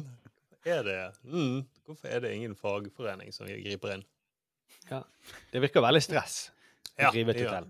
Mm, og man lurer litt på om han er en eh, fra Barcelona, om han har uh, arbeidstillatelse. Ja, jeg viser Ja. veldig, ja. Det er Og hvorfor har de han? For han må jo være, også være veldig billig, da, sikkert, siden de har hentet han inn. Ja, ja, ja. Mm. Nei, men, men eh, så eh, har, dere, har dere sett 'Og ikke lov til å le på hytta? Jeg har ikke sett siste sesong, nei. Jeg, sett, jeg tror jeg har sett én sesong det, eller et par episoder av en sesong. Jeg har bare Det er jo gøy, klipp da. av alt. Jeg har bare sett noen klipp av alt. Så jeg, I mitt hode så tenker jeg at det bare er morsomt hele tiden. Men, men jeg skjønner hva du sier, at, eh, eller hva du mener. at ja, Til slutt så går man tom, da. Mm. Men det som er gøy å se, da, er at det er noen type komikere som kommer veldig godt fram. Eh, og det er sånne som ja, bare ser vittige ut. Mm. Ja. Eh, så, sånn som Magnus Devold, da. Eh, Mm. og eh, Kalle Kalle Hellemann Ja. Ja. Eh, mm. De to gjør det jo veldig bra. Eh, Så Else Kåss ja. gjør det bra. Ja, Martin er Beyer-Olsen gjorde det bra. Mm. Ja, i forrige sesong Han er? Ja. Jo, eh, det husker jeg. etter, altså, han var veldig sånn naturlig bare gøy å være fanget med på en hytte. Fordi at eh, Ja. Ja. Så han vant vel i fjor. Jeg gjorde det, ja. ja, Ja. Vel fortjent. Jeg kom på når du snakket om dette, Markus, noe min eh, bror fortalte meg for lenge siden. Mm. Han er jo klipper, da. Han klipper film og TV. Mm. Mye av grunnen til at jeg er interessert i, i, i faget. Mm. Uh, og han sa en ting til meg da jeg var ung som liksom bare var liksom mind-blowing. Han viser meg mye humor og sånn, men så sa han sånn Men jeg syns jo egentlig at uh, dramaserier ofte er mye morsommere. Fordi du, du får ikke like mange vitser, men de vitsene du, de trenger du. Mm. For når det først kommer en vits i type Mm. Breaking Bad, da, eh, Mm. da ler du ekstra mye. For det er Ja. gjerne veldig intenst og vært veldig alvorlig. Da Mm. trenger du det den luften. Du trenger luften, og da ler du, du syns, Man syns gjerne det oppleves som enda morsommere enn du har sett i Hotell i særklasse eller noe annet som prøver hele tiden å få deg til å le. Men i drama så bruker de jo selvfølgelig humor kjempebevisst på å skape letthet, og så er det, føles det ofte nesten morsommere enn noe annet. Sånn, folk sier jo at Sopranos er en av de morsomste seriene de har Ja. Og de opererer hele tiden i alvor, mord, trusler, men også veldig mye humor og slapstick. Og det ser du veldig tydelig i sånne eh, eh, Sånne Disney-filmer eller barnefilmer eh, hvor det er dødsspennende på slutten, og Mm. ungene sitter og har så mye spenninger i kroppen som må forløses. Og så får tyven Han blir sparket i rumpa eller et eller annet sånt. Så, Mm. så eksploderer hele salen. Det er den Ja. største latteren. Når du har når de virkelig trenger det. Når de har, det Mm. tror jeg i alle sånne filmer så må så må spenningen forløses av For eksempel eller, i, i, Alene hjemme-filmen. da. Ja. Mm. Eh, så, så det er ganske skummelt i begynnelsen. Det er nesten sånn at barna ikke klarer å se på det. Eh, Mm. Og så er det dødstilfredsstillende når, det går, når de får gjennomgå. Mm. Så det var min TV-uke. Eh, ikke løp le på hytta. Eh, Kan du anbefale sesong tre? Når du har sett alle, hvilken sesong vil du si er best? ja, den Altså, er jo kanskje den jevneste. Sånn, det er ikke noe sånn synes, det, det er ikke noen sånn lange perioder hvor det bare er sånn Å, hva er det vi ser på? Ja. Eh, men den er også, derfor er den også litt mindre interessant også, for den er litt mer sånn eh, groomet, på en måte. De Ja, ja. De, de, de, har lagd, de har skjønt det for bra. Uh, Ja, så blir det liksom enda et sånt Nei, da blir det Ja, for da blir det liksom enda en sånn program med kjendiser som konkurrerer om noe. Det blir bare Ja. enda et sånt program. Og det er de samme kjendisene som konkurrerer de andre programmene. mm. Så, Ja, det er jo det er mye av de samme folkene som går igjen, syns jeg. Altså, det er liksom Det er vel hver kanal Hver kanal stiller med sine profiler. Kjendiser, og så Ja, men disse her er vel, har vel vært både i eh, Dette er litt all over the place, denne her. Ja, Magnus Devold har har vært i både i TV Norge, den der eh, Kongen befaler og dette og Jo, nei, jeg føler bare at det er sånn, det er sånn klikk. TV Norge eller eh, Discovery sender sine inn. Mm. Ja, sånn, ja. Mm. Ja, Nesten som om du nominerer noen til en slags gullrute eller noe sånt. Så ok, dette er vårt kanalens bidrag. Vi sender inn disse. Ok, sånn. Mm, ja. ja. Ja, Eh, Men jeg synes også det er kult at de også involverer bare komikere. Da, altså folk som er på scenen og sånn, som ikke nødvendigvis har like mye TV-tid. Og en kjendispil. Men de får vel inn en eller to bare standup-komikere som Ja, sånn Jan Tore Kristoffersen denne sesongen her. Er jo ikke en som har vært så mye på TV. Jeg tror han har vært på det Brille et par ganger og sånt. Det er, det er vel at, først og fremst en standup-komiker. Ja, altså at de i hvert fall fokuserer litt på det. da, Det er jo et så stort uh, standup-miljø i Norge. Så det er kult. Hvis det først er en serie som handler om komikere fanget, så er det kult at de faktisk involverer noen. da. Kunne sikkert hatt mer også, for den saks skyld. Men så så Magnus Carlsen med- var med i fjor, og det er sånn, da tror jeg noen standup-komikere kjente litt sånn Hvor faen er Magnus Carlsen med på dette programmet? Ja, Liksom. og det skjer jo også. I år så er jo Jenny Skavlan med, som kanskje er litt eh, nærmere komikerverden. Bitte litt. Ja. Men det, Mm. det er veldig sånn Hun og Magnus Carlsen faller veldig fort igjennom, da. Ja, Det ikke sant? det, det, det, hvorfor, hvorfor er de med, liksom? Litt sånn stuntcasting, da, nesten. Sånn. Ja, det er sånn Wow, hvor det blir fett å se Magnus Carlsen inn på det. Nei, det ble Mm. ikke det. Nei, Som om man skulle bruke liksom sjakkunnskapene sine til å presse fram en latter. Sakte, Ja. men sikkert så velger han den åpningen, og så setter han inn nådestøt med latter. Jeg føler at Magnus Carlsen kun var med sånn at de andre kunne roaste han. I den. Ja. sånn, Ja. Det er som en sånn lam til slakting. Det er sånn Hva er dette? Du skal få lov til å være morsom. Det er kjempemorsomt her inne på slaktegården. liksom. Det kommer til å bli kjempegøy. Alle Men det som stiller er gøy- helt likt. Det som er gøy, er at han, han lo jo ikke av de andre. Han lo av sine egne vitser, men, Ja. han, han, lo, men han lo av Fladseth. Som på en måte Ja. ikke er den smarteste komikeren, men Mm. han, er bare, han bare ser vittig ut. Eh, Ja. Det, Da klarte ikke Magnus Carlsen å holde seg når Flatseth eh, Mm. Ja, de er flinke. De- De må jo være flinke. altså Det er ikke bare at de har skarpe vitser, men sånn Flatseth og sånt. De klarer jo å få folk til å le med hele kroppen sin. altså. mm. Ja, det blir veldig mye kropp etter hvert, da. Ja. Eh, det, Sturle, hva, hvordan var din eh, TV-uke? Jeg har fått et tips. Jeg fikk et tips om en dokumentar Ja. som ble nå eh, sluppet på mandag. fikk jeg en mail fra en algoritme i Netflix. og den algoritmen kjenner meg veldig godt. for det Sturle. Har du lyst til å se en dokumentar om uendelig? Hæ, uendelig? Det største tallet som finnes? Nei, det er ikke et tall, det er uendelig. Så nå har jeg sett da 'Jakten på det uendelige'. Og den var uh, uendelig lang og kjedelig. det er ikke tull engang. Ja, det, det er et gøy et, konsept. Det er et gøy Jeg var så skuffet. Altså, etter hvert hadde jeg ikke lyst til å henge med på det i det hele tatt. Jeg, og jeg, jeg trodde jo at shit, dette høres jo dødskult. Nå vet Nå kan AI. De kjenner meg så godt. Og jeg tror det er flere ting, da. Uh, for det, de, tar, de handler om alt som er uendelig. Det kan være så mye. Men det første som irriterte meg, er at det er for mange personer som er med. Og Det har irritert meg før, da, at du har veldig mange forskere som blir intervjuet om temaet. Men det er ikke én person sånn som han er Brian Cox eller Neil deGrasse Tyson eller sånne ting, som leder det gjennom hele dokumentaren. Og så blir ikke man kjent med de der forskerne. For det, alle forskerne sitter i rom som ligner ganske mye på hverandre. De er en liten supring, så du får vite hva de heter, og hva de har jobbet med. Og så, når du kommer tilbake til de, så får jeg den følelsen som man fikk litt når vi så eh, The Rehearsal. At du kommer tilbake til en person, så vet du ikke helt om det er den samme personen som, jeg, som eh, du så i begynnelsen, eller om det er en skuespiller da, som bare tar på seg eller gjort noen sånn triks eller et trekk da, som du kjenner igjen. At du ser en gammel mann i begynnelsen med grått hår, eller en eh, kinesisk kvinne med briller, og så tenker du når du går tilbake igjen, så ja, kanskje det var den samme personen jeg så i begynnelsen. Eller er det en skuespiller? Så det kan funke med mange folk, men da må temaet være mer spennende. For nå ble Ja. det sånn at alt kan være uendelig. Og det er det egentlig de bygger opp. Altså sånn, når jeg så uh, nerden som jeg er, så når jeg så for eksempel eh, dokumentar om sorte hull, så er det jo litt sånn gøy å tenke meg hva skjer hvis vi hiver Thomas inn i et sort hull, for eksempel. Så kan man tenke på det. Nå brukte jeg bare deg som eksempel, Thomas. Det var ikke meningen det. Eller hva som skjer inni kjernen på et sort hull. Eh, hvis man faller inn der, kommer han til et eh, ormehull, og så kommer vi til en annen dimensjon. Hvor det alt skjer på en gang med, på nytt igjen, hvor vi hiver Thomas inn igjen på et sort hull, og, så er det, og det er det andre. Det, så det er altfor mye folk som er med. Og så har de gjort den feilen De har laget masse kapitler. Så de begynner med ett kapittel. Hva skjer, eh, hva er uendelig i matematikk? Ja, mat er ikke så gøy, men da er det sånn Det kan være spennende. Se for deg at du er et hotell med uendelig mange hotellrom, og så kommer det uendelig mange gjester.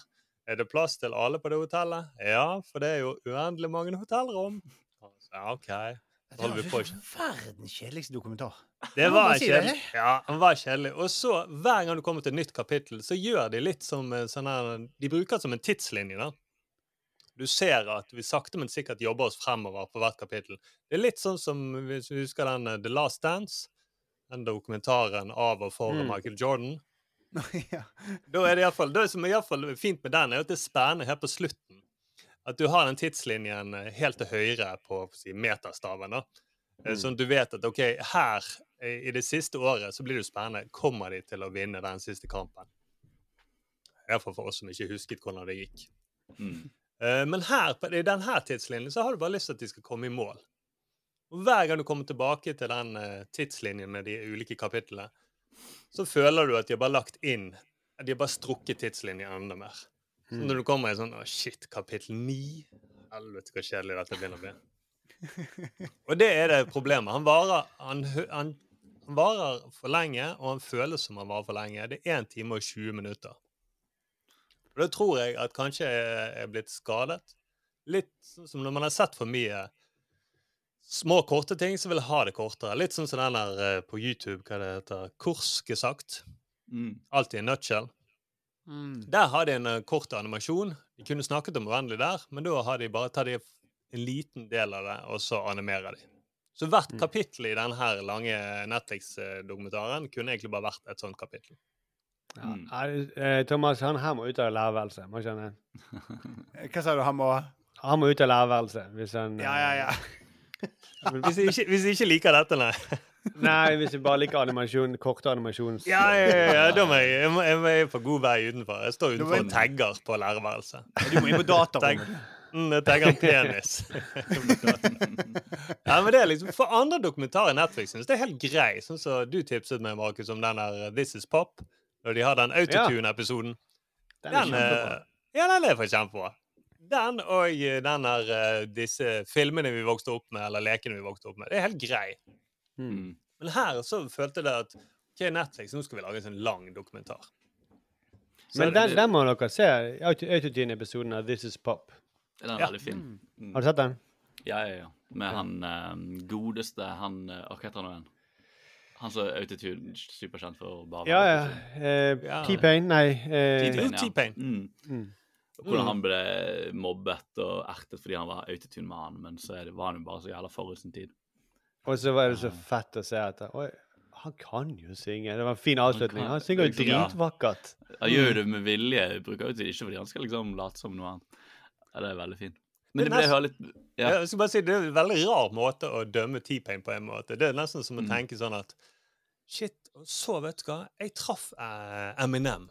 Og han kunne snakke rolig. Han snakker ikke så fort som han gjør i sangene sine. Han kunne snakke rolig. Jeg har aldri trodd det. Det er litt sånn som når man møter komikere, og så forventer man at de skal være morsomme hele tiden. Mm. Ja, andre veien. Mm. Ja, ja. Jeg får, ofte, jeg får veldig ofte høre 'Hæ, du komiker?' Eh, og det er kanskje litt for ofte. Er får en du lærerværelset hvis du er en komiker? Ut med deg. Jeg får mer den med litt sånn eh, tonefall som er litt nedsettende. Er du komiker? Ja, ja, ja, det er litt det i det. Ja, ja, det er meg. Ja, vi tror alle. Det er jo ingen eh, komikere som går rundt og er kjempegøy på fritiden. Det, jeg, jeg, bare Hvis jeg får penger for det, så kan jeg si være morsom. Ellers Det er det du må si. Hvis Ja. du ikke har betalt meg, så gidder jeg ikke være morsom. Nei. Men, men det hører litt stort. Det er jo liksom med sånne eh, dokumentarer som tar for seg eh, naturvitenskapelige fenomen og sånn. Mm. Og, og man trenger jo også der en eller annen emosjonell tilknytning Ja. til eh, innholdet. Du må jo ha en eller annen sånn noe du føler bare i deg som et menneske at dette er viktig for meg å kunne. Iallfall jeg og veldig mange andre som ikke utdannet på disse tingene. Hvorfor? Det er det de, de flinkeste er, de som er gode på det, er jo flinke til å liksom finne ut hva, er, hva sier dette om oss som mennesker, dette tingen, eller hva kan det gi oss menneskeheten? Uh, sånn som vi har snakket om tidligere, den uh, dokumentaren eh, Go, som handler om artificial intelligence. Det handler om det handler utrolig mye kompliserte ting om maskinlæring og ting og tang, men de, det handler om at kan maskiner gjøre mennesker smartere? Liksom, er, det et forhold, er det et vennskapelig forhold mellom maskiner og mennesker som vi ikke har utforsket? Og Det blir du nysgjerrig på. Mm. Eh, men det er veldig vanskelig med sånn Jeg har alltid opplevd det med verdensrommet. At det har vært en av de vanskeligere tingene å få inn. Fordi at poenget er at ting er litt sånn nytteløst eller håpløst eller umulig. Eller umulig å fatte. da. Og det har alltid Ja. vært litt vanskelig å ta innover for, eh, for meg. Ja, Jeg er det var det- ja. Eh, Jo, det er enig, si, Følg opp det, Mark. Skal jeg si kom tilbake til Ja, dokumentaren. Mm. Ja, for jeg er enig i det, men, men jeg tror i sånne dokumentarer så spiller de på Den, den følelsen de spiller på, er at det er helt uh, Dette er mind-boggling. Og det, er sånn, det, Oi, det er vanskelig å fatte, men jeg klarer det nesten, kanskje. Og nesten som en sånn uh, Det blir jo det blir jo hjernetrim på en eller annen Samme grunn som det, det Mm. fett å prøve å løse en IQ-oppgave eller en sudoku. Det er sånn, du, jeg tror det er det som trigger De følelsene de, de, de satser på at skal trigge det. da. Mm. Jo, det tror jeg. Men det jeg, litt jeg er enig sånn prinsipielt. Jeg har også jeg har aldri vært sånn sykt fascinert av verdensrommet, for det, det angår ikke meg. Men det finnes noen, eh, før du går tilbake til dokumentaren Det finnes en, en sånn YouTube-serie, jeg tror det er Wired som har den, som er veldig smart, da, for den tar for seg vitenskapelige fenomen. Og de får forskere Hvor premisset er at de får forskere til å forklare noe ekstremt komplisert på fem forskjellige nivå. Og måten de gjør det på, er at på første nivå så skal de forklare f.eks. si artificial intelligence. Nå skal du forklare det til en femåring. Eh, og det er de første to minuttene av videoen er at denne ekstremt smart forskeren må formidle det til en femåring. Og jeg også som jeg Datamaskinen er smartere enn pappa. Eller, men også sånn eh, univers og sånn, sånne fenomener. at de virkelig, Og da begynner det på grunnleggende nivå. Og da blir jo jeg også Jeg er jo en femåring i hjernen når det gjelder disse tingene. Og Da blir du tatt med på den reisen. da. Eh, og de gjør det med musikkteori. de gjør det med mye. Det, jeg tror det er liksom den inngangen som også er med matte og alt. Du må jo bare lære, du må forstå det grunnleggende for å klare å henge med på det mest komplekse. og Jeg tror det av og til der for min del det forsvinner, fordi jeg henger aldri På et tidspunkt slutter jeg å henge med. da. Eh, og det er den der klarer man, hvor, hvor dypt klarer man å dra publikummeren sin? Og hvor, og sånn. Ja, for du må liksom få, Hvis du klarer å få forskernes fascinasjon av te eh, temaet, da Hvis du klarer Mm. å få den til å smitte over til vi som ser, da så Mm. ah, shit, dette er jo interessant. Det er ikke bare fordi at han er rar, han forskeren. Dette kan jo være kult. Men det blir jo uendelig er jo veldig sånn tullete begrep på en måte. Og det som er et av høydepunktene, er da en av de forskerne han ble så lenge motløs og deprimert av å tenke på uendelig. Skal vi høre litt hvordan det var. Og nå, Dette er et veldig langt strekk, nå, men jeg har klippet det ned, for det var egentlig mye lengre.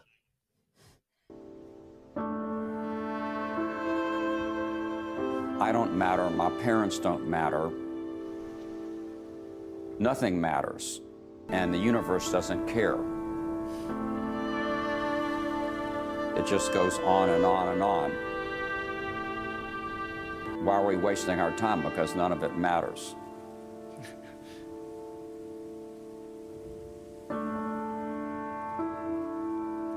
and then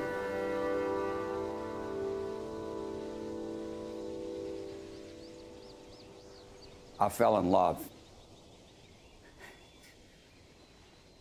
And that changed everything. Som en lykkelig si ending da, i historie. Eh, så det var det eneste som var høydepunktet, nesten, syns jeg. At han, han Men der var det jo en eh, Det var jo en emosjonell tilknytning, da. Ja. Men det var ikke nok, liksom. Det var, det var sånn lite glimt av i denne 1 time og 20 minutterne. Han er ganske lenge på ikke lov å le på hytta.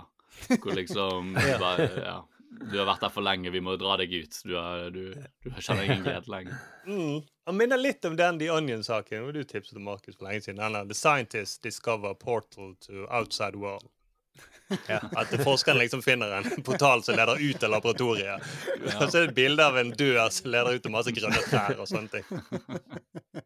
Det er liksom høydepunktet. Nei, så Jeg vet ikke, AI. Sorry, jeg pleier å være like det du anbefaler, men det er litt for langt. Men det som burde, den filmen burde aldri sluttet. For å være liksom på, eh, på tema. Mm. De burde bare det. fortsette. Når du ser på tidslinjen nede på Netflixen, så står det bare sånn uendelig symbol Ja. helt på Ja. enden. Mm. Bare fortsett Den beveger seg ikke. Du- Det ser ut som man beveger seg, men man gjør ikke. Ja, så, ja, det ser ut Ja, det er akkurat det. Mm. Mm, du får en følelse av det. Det går ikke an, da, eh, Thomas. Hæ? Det går ikke an, da, Thomas. Jeg vet det. Nei, ikke- Kanskje AI kan hjelpe oss med det en gang i framtiden. Nei, nei, men det vil ikke gå det, for at i 1998 så oppdaget de at universet øker i utvidelse. Så til slutt så blir alle atomene revet fra hverandre, og så blir vi bare stille i støv. Hyggelig. Ja. Ja. Det går ikke. And then we fell in love. Ja, det er det. Man- Så det er moral. Man, man, man har veldig lite tid til å leve, og så man må bare forelske seg med en gang. Ja, er Og le! Og le! Ja, ja, og den kule kommentaren der, det fortjener en uh, Torben Harr-musikk. Ja! Yeah!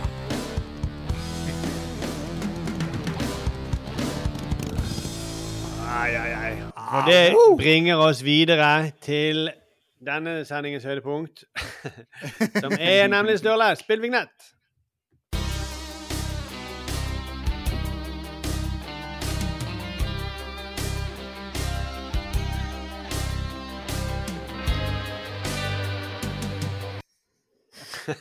Jeg følte for å spille litt elgitar. Ja, det var- Det, er litt sånn der western-twang i den introen der. Ja, der en liten ja, sånn sant det. Og den ene Barbara er jo fra USA, til tross for at hun snakker uh, kvekk norsk eh, engelsk.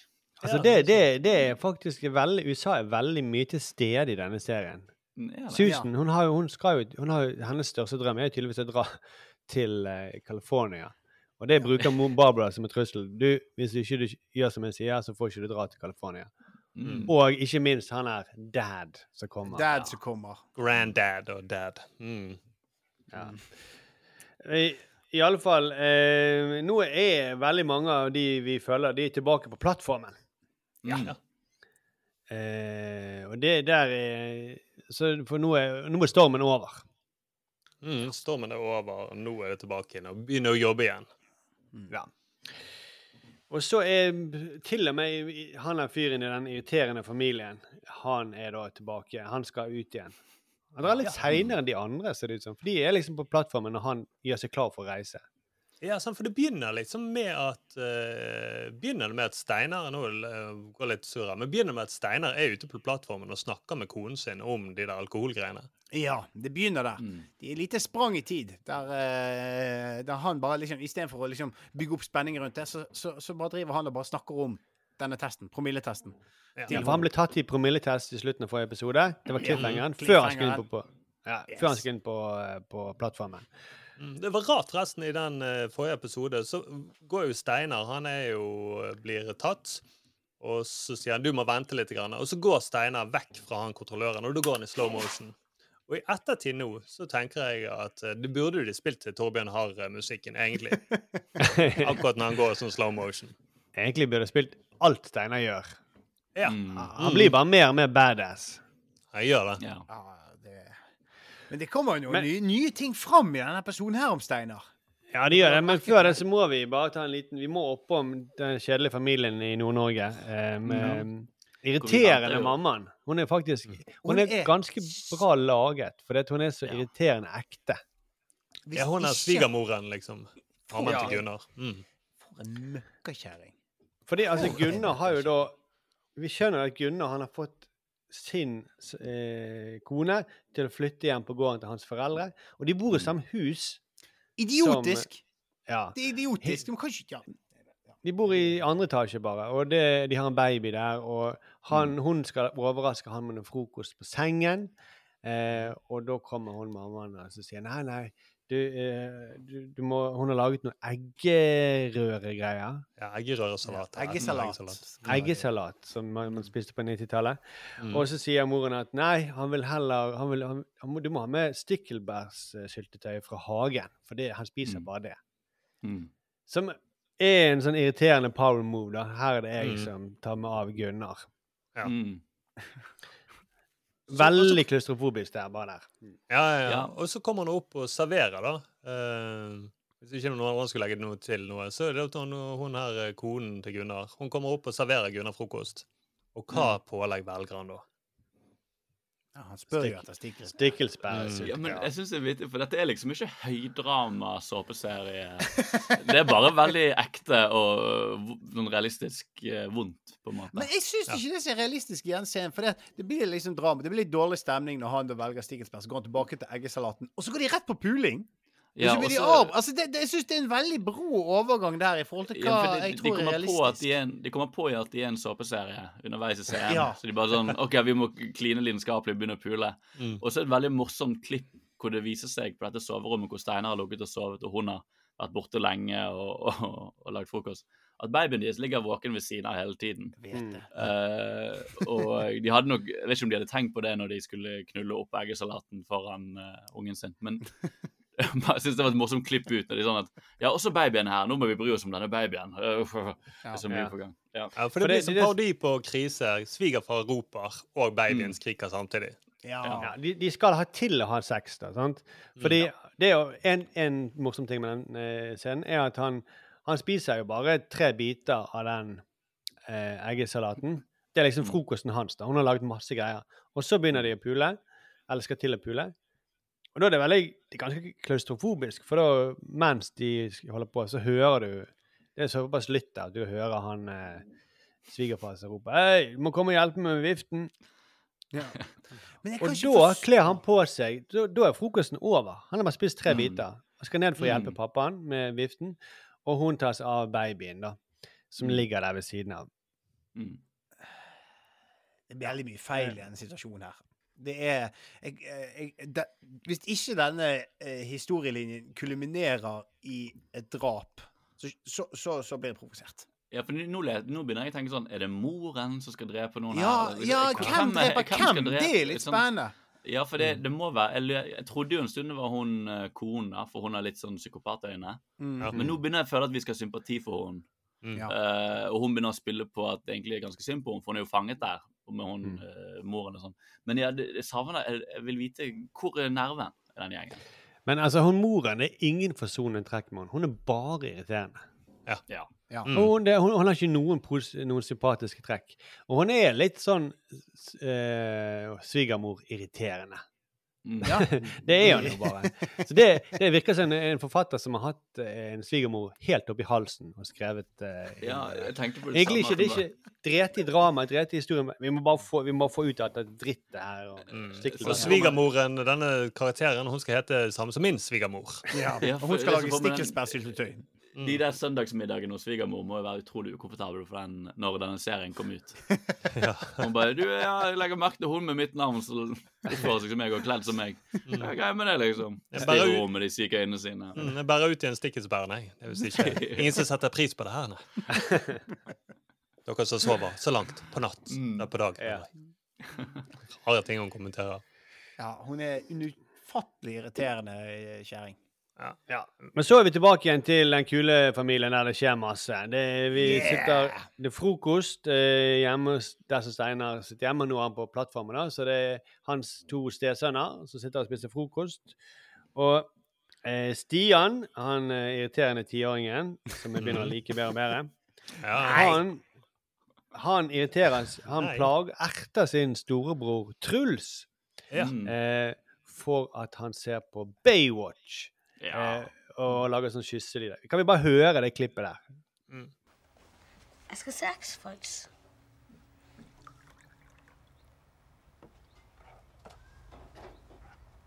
Bare fordi han skal se Baywatch.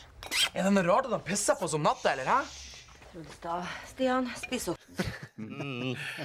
X-Files og Baywatch. Er TV2, farlige, syndige TV2, det var en stor greie i Det er kidsa ser 1996.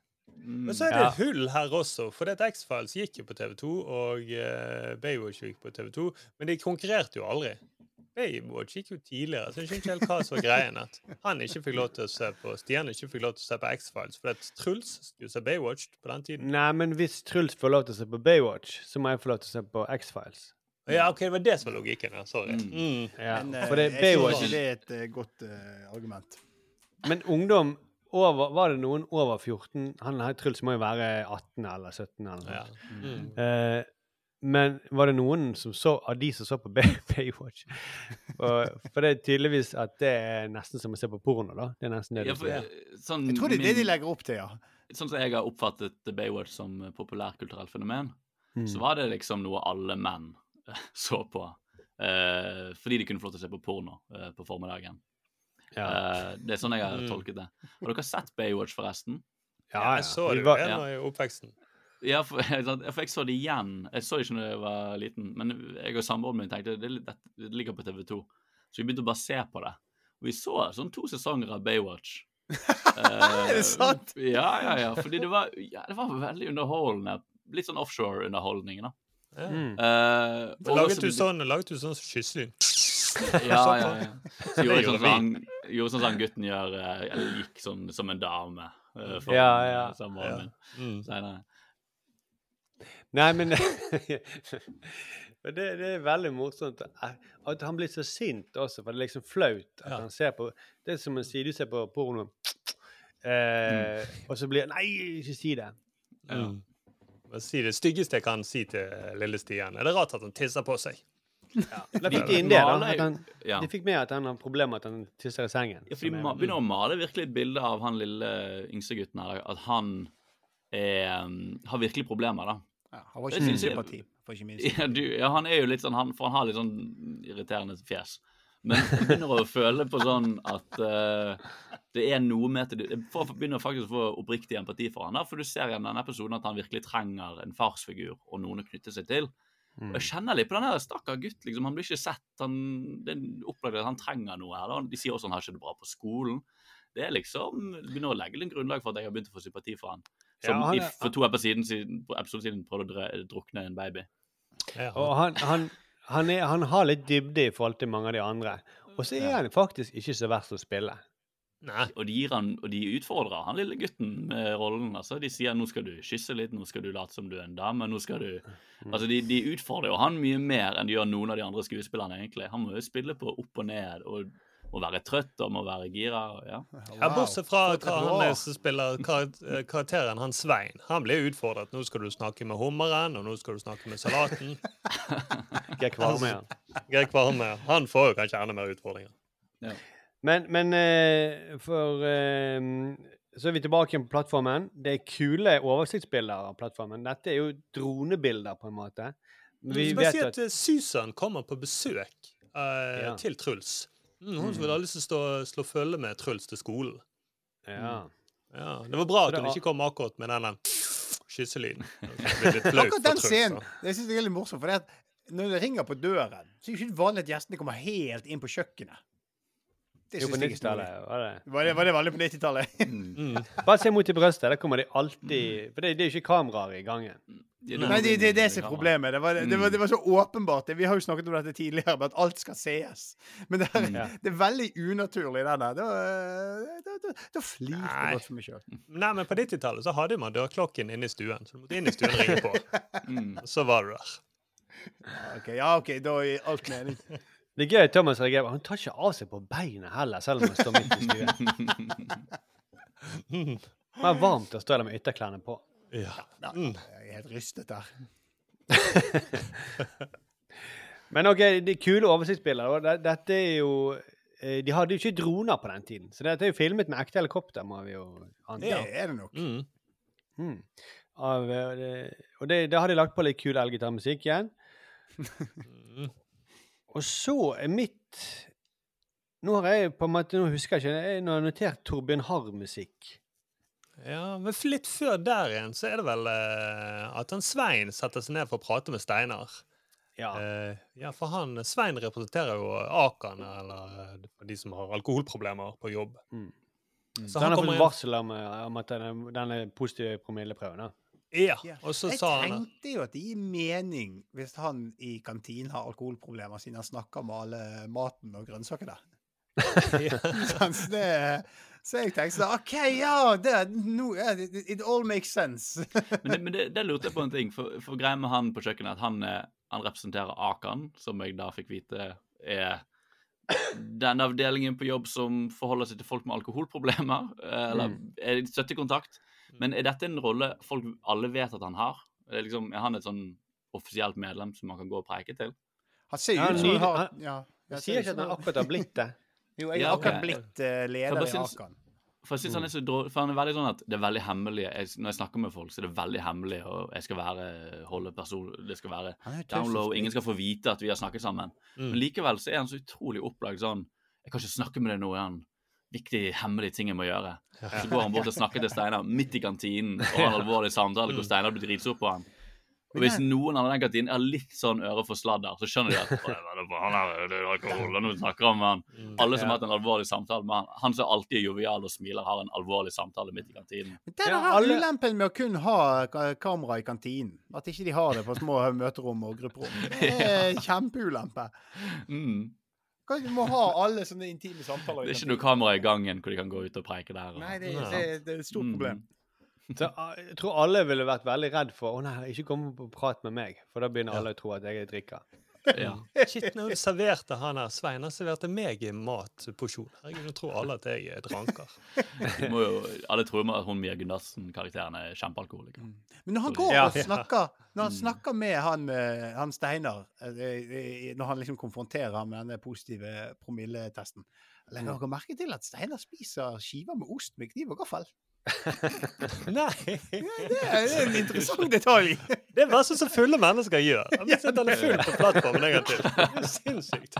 Det er veldig bra observert, Thomas. Ja, jeg, ja. jeg syns det var snodig. Jeg har også merket at han har bæsjet på seg. Og han holdt en kebab i andre hånden. Shit. Da Og Steinar tenkte jo bare nå sitter jeg bare helt i ro, jeg har bæsje på meg, jeg holder på med kniv og gaffel og kebab med høyre hånd. Ingen må finne ut at jeg har alkoholproblemer. Derfor Ja, der kommer han bjeffer Akan Svein. Hallo, du, nå røpte du meg! Så jeg skjønner at Steinar blir sur, da. Ja, ja, med var- slipset rundt hodet rett fra jul.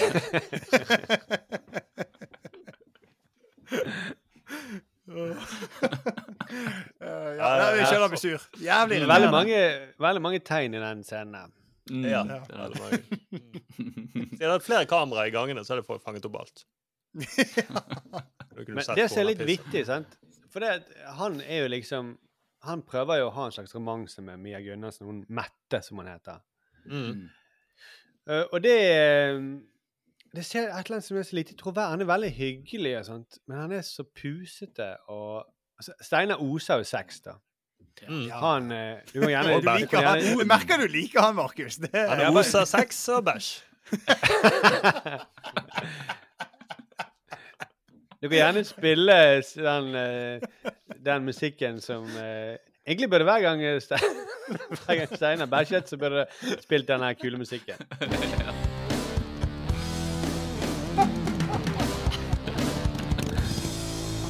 Og da ser vi ansiktet til Steinar til presser, og så får han sånn blodåre i pannen. Og så den rusingen. Det er egentlig bare han, han har, Det er når han trekker ned. Ja, jeg trodde det var bare var luft som kom ut. Jeg tenkte han var så kul at han satt på sånn motordrevet do. At han Ja. måtte, måtte Mm, Så slipper ut bensineksos når du trekker snoren. Men jeg glemte at Steinar bæsjer ikke på do. Nei, nei, nei. nei. Han sitter jo rett oppe der. Kantinen. For du ser jo når han sitter i kantinen rett før Svein kommer ut, så ser du at han tilter litt til høyre. Det er akkurat når han presser ut. OK, men eh, vi må videre, da, for det Ja. Men da, for da kommer Torbjørn Harry inn. De er jo alle sånn Mette begynner å snakke med Steinar etterpå, etter Svein har vært der. Og det er da hun eh, da reagerer for at eh, Steinar er så avvisende og lukter sånn. Så går han inn igjen, i- inn igjen i kjøkkenet og snakker med Svein. da, og så Hva er greien? Hva for uh, hva er det Snakker dere med meg? Ja, sånn. Mm. Og det er, da, det er vel da Svein røper det litt, grann, ikke det? Jens, ikke bare litt. grann. Han sier sånn Jeg kan ikke si det, jeg kan ikke si det. OK, da.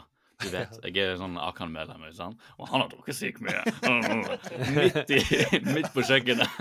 Ja, den taushetsplikten stikker Ja, langt han er opp så dårlig. Og så står Liksom. han etterpå, og når hun går vekk fra han, så står han, så ser han på henne lenge, og så gjør, legger han fingeren foran munnen. Mm. som alle ser. Ja, Eh, fordi at det ikke er kamera andre Mm. steder, så må han gjøre det så åpenbart. Ja. Kjempetabbe. Kjempetabbe. Jeg synes du skal skrive brev til denne plattformen, Thomas, så ta det opp med dem. Sende brev til Northwest Oil i dag. Det- Rystet ut. Ja. Eh, right. Men da kommer Torbjørn Har ja! Ja, ja, ja. Da er Torbjørn Har Og han har da selvfølgelig musikk eh, Nå har vi eh, kjørt eh, Spotify-versjonen, men du kan høre litt. Grann, den, den andre versjonen også er jo helt lik.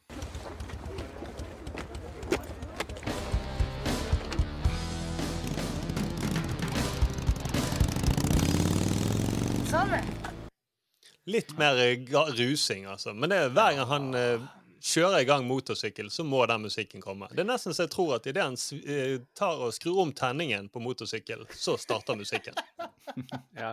Og det, det, har dere lagt merke til det at ofte når Susan det, det, går, det er så subtilt at jeg legger nesten ikke merke til det. Men når hun kommer hjem noen ganger, så hører du ofte bare sånn bak. Altså, Ja. 'Hei, Susan, hvor har det vært?' Ja. Så det er nok ment om at du skal høre lyden av han eh, Simon, da, som han egentlig heter, han Torbjørn Ja, Harr. mm. Mm. Han, han- han, ikke på, han har ikke så mye å gjøre på, egentlig. Han, han dukker bare opp på motorsykkelen sin. Og, eh, han har ikke noe er plott kuleste eller noe. Er, ja, han, han er bare, ser bare kul ut og er sånn fristende for hun Susan, men det gjør jo ikke så mye med han, egentlig. Nei, og jeg tror det var det På 90-tallet så var jo to, natur og omgang det, det de jobbet mest med, var jo bare å la motorsykkel gå på tomgang. Det var arbeidet deres. Ja. Og en skikkelig dyr motorsykkel òg, som disse unge At han har råd til den eh, Har brukt alle komfortpengene på den. da, må jo Mm. Det koster jo et par millioner. Veldig godt poeng. Ja, Men er det nå vi kommer til nå vi kommer til den som er min favorittscene? Jeg vet ikke Mm. om vi har klipp av dette, eller noe sånt, men når de går hjem fra skolen, og hun sier replikken til han eh, eh, Storebroren eldste- til han der Storebroren til han Truls. eh, Truls, ja. Truls, ja. Hun sier replikken For de har jo et slags forhold, og hun greien at hun hopper mellom han Torbjørn Harr og han Torbjørn eh, Eller Torbjørn og Torbjørn. Truls, Eh, Truls, og- Truls og Simon. Truls og Simon. Ja, hun hopper gjennom Truls, som er en litt sånn trygg eh, kar, som er litt snill. Og så Jeg ser Baywatch. er- Baywatch. Det er svakheten Ja, hans. det er sant. Han er, han er en. Granddad får vite at han ser Baywatch. Da er det no Ja. trip to California. Ja, for det er en synder. Det er. Nei, men da de går fra skolen, og hun flørter med han, så sier hun replikken som var beste sjekkereplikken på 90-tallet. Skal vi gå hjem til deg, så du kan lære meg å bruke internett? Nå, da vet du at det her Hun sa det. Jeg kunne ikke tro det. Jeg ble så glad. Sånn, wow! Tenk at det funket litt så kult at man kunne si det før i tiden. Og internett var jo veldig stort, da. Ja, og så får vi se scenen når de er hjemme hos han på gutterommet og prøver internett. Vi får ikke se hva de gjør, da. Nei. Og jeg er veldig nysgjerrig på hva de gjør, for de sier sånn Ja, så tar jeg bare og trykker sånn der. Ja, du må ta den opp der. Wow, jeg klarte det! Ja. vi kan høre Jeg lastet ned du? Baywatch. Har, ja. Har du det klippet? Ja, Vi kan høre hvor glad de blir. Eh, på 90-tallet var jo internett jævla stort. Kan bare Mm. høre dette. Mye større enn i dag. Ja. Sånn. Så går det opp dit. Bort. Så- Sånn. Hæ? Får jeg prøve? Ja.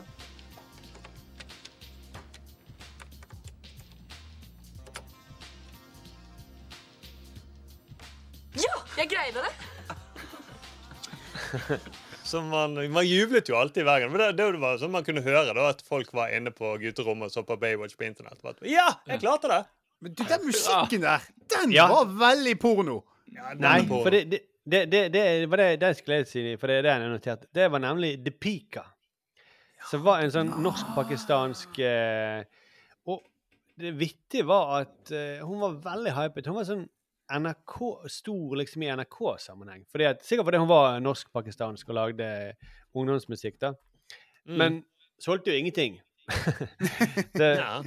eh, så når hun gjorde sånn comeback etter noen, noen ti år, så var det eh, Å ja, The Pika. Jeg, Ja, Så jeg, det- har, ikke, den, har ikke den videokassetten med NRK-opptaket, så jeg husker det ikke. Men jeg husker hun, hun, hun deltok jo Hun var med i alle sånne her eh, NRK-programmer og var gjest. Diesel, Rondo.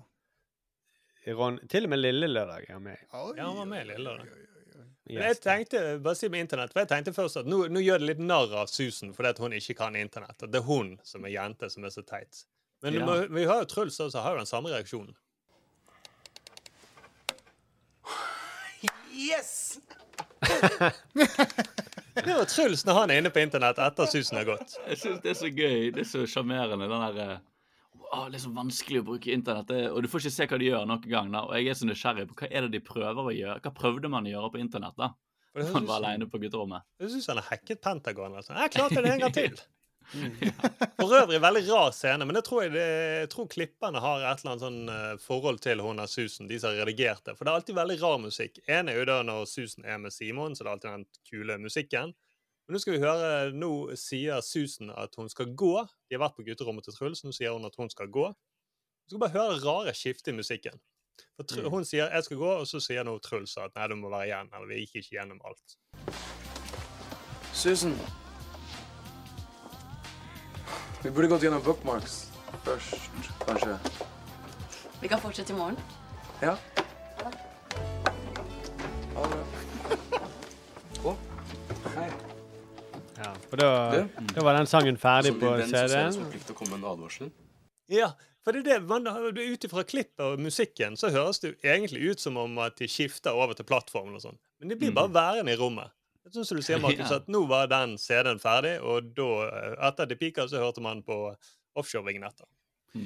Men spørre ting det, det er veldig sånn jeg- NRK Jeg må bare si, det, det Ja. jeg var ikke helt ferdig med De Peaker. For det, det er jo eh, eh, NRKs Det er sånn NRK-versjon av hvordan uh, ungdommer de kjører vel motorsykkel og hører på De Peaker og, og er på internett.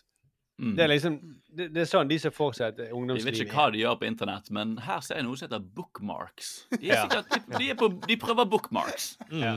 Og så Baywatch er de, ser de på. Mm. I smug. Ja. Men, men det bare var Og en eh, alle vet jo Ja, unnskyld. Nei, alle vet jo hvordan Baywatch er. Det er Researchavdelingen i NRK. Men det, jeg bare tenkte på en ting med den Truls og hele den, hele den familien der. Til, med, de, de har flyttet til Bergen, har ikke det? Ikke det der de bor, liksom? Det Jo. huset? Jo. Ja. Mm. Men de har akkurat merket de, de, de har ikke møtt én bergenser i serien ennå. Jeg er veldig forvirret. Jo, bare han er lånehaien. Det er bare han lånehaien. Men i, Ja, liksom, så ute så- med familier og sånt. Nei, men sekretæren, da, eh, på, til han eh, driftssjefen, det er jo faktisk Agnete Haaland. Som var vel eh, direktør på DNS. I, hun er vel der folk, oh, ja, veldig okay, omstridt. ja, ja. Ja, for hun har sånn skuespiller eh, som blir filmet på TV-dialekt. Ja, veldig. Jeg kan da ikke slippe dem inn, det er ikke lov. Har du du, hvem er du? Du er bare tilfeldig sekretær. Jeg skal høre med bedriftsbestyreren om du kan få lov til å komme inn. Ja, det snakker litt, litt for høytidelig til å bare ha en sånn uh, jobb. Ja, men de må kunne høre meg på bakerste rad der bak. Mm. Så snakker også med han er mest joviale sånn «Ja, Faen, jeg vil bare komme inn og ikke være så kjip. Jeg skal da se hva jeg finner ut av uh, i almanakken til sjefen. Du bør besvare disse tre spørsmålene før du kan komme over broen til dødens rike. Ja, Lindbekk er jo, eh, han er jo hjemme hos Steinar. Og bonder med Nei, faen, hva for noe? nå blir det- Det er Steinar, jo. Hjemme hos Altså, Storebror. For Steinar heter også Lindbekk. Ja, ja, ja. det ja. han- Storebror Lindbekk. Altså han øh, Fagforeningsmannen. Ja. Hva kan han? Ikke, det, de kaller vel bare han Lindbekk og så han andre Steinar. Han, han har et navn, men eh, ja. I hvert fall, han er, han er hjemme, og da får jeg fram hvor ufattelig bra fyr han er.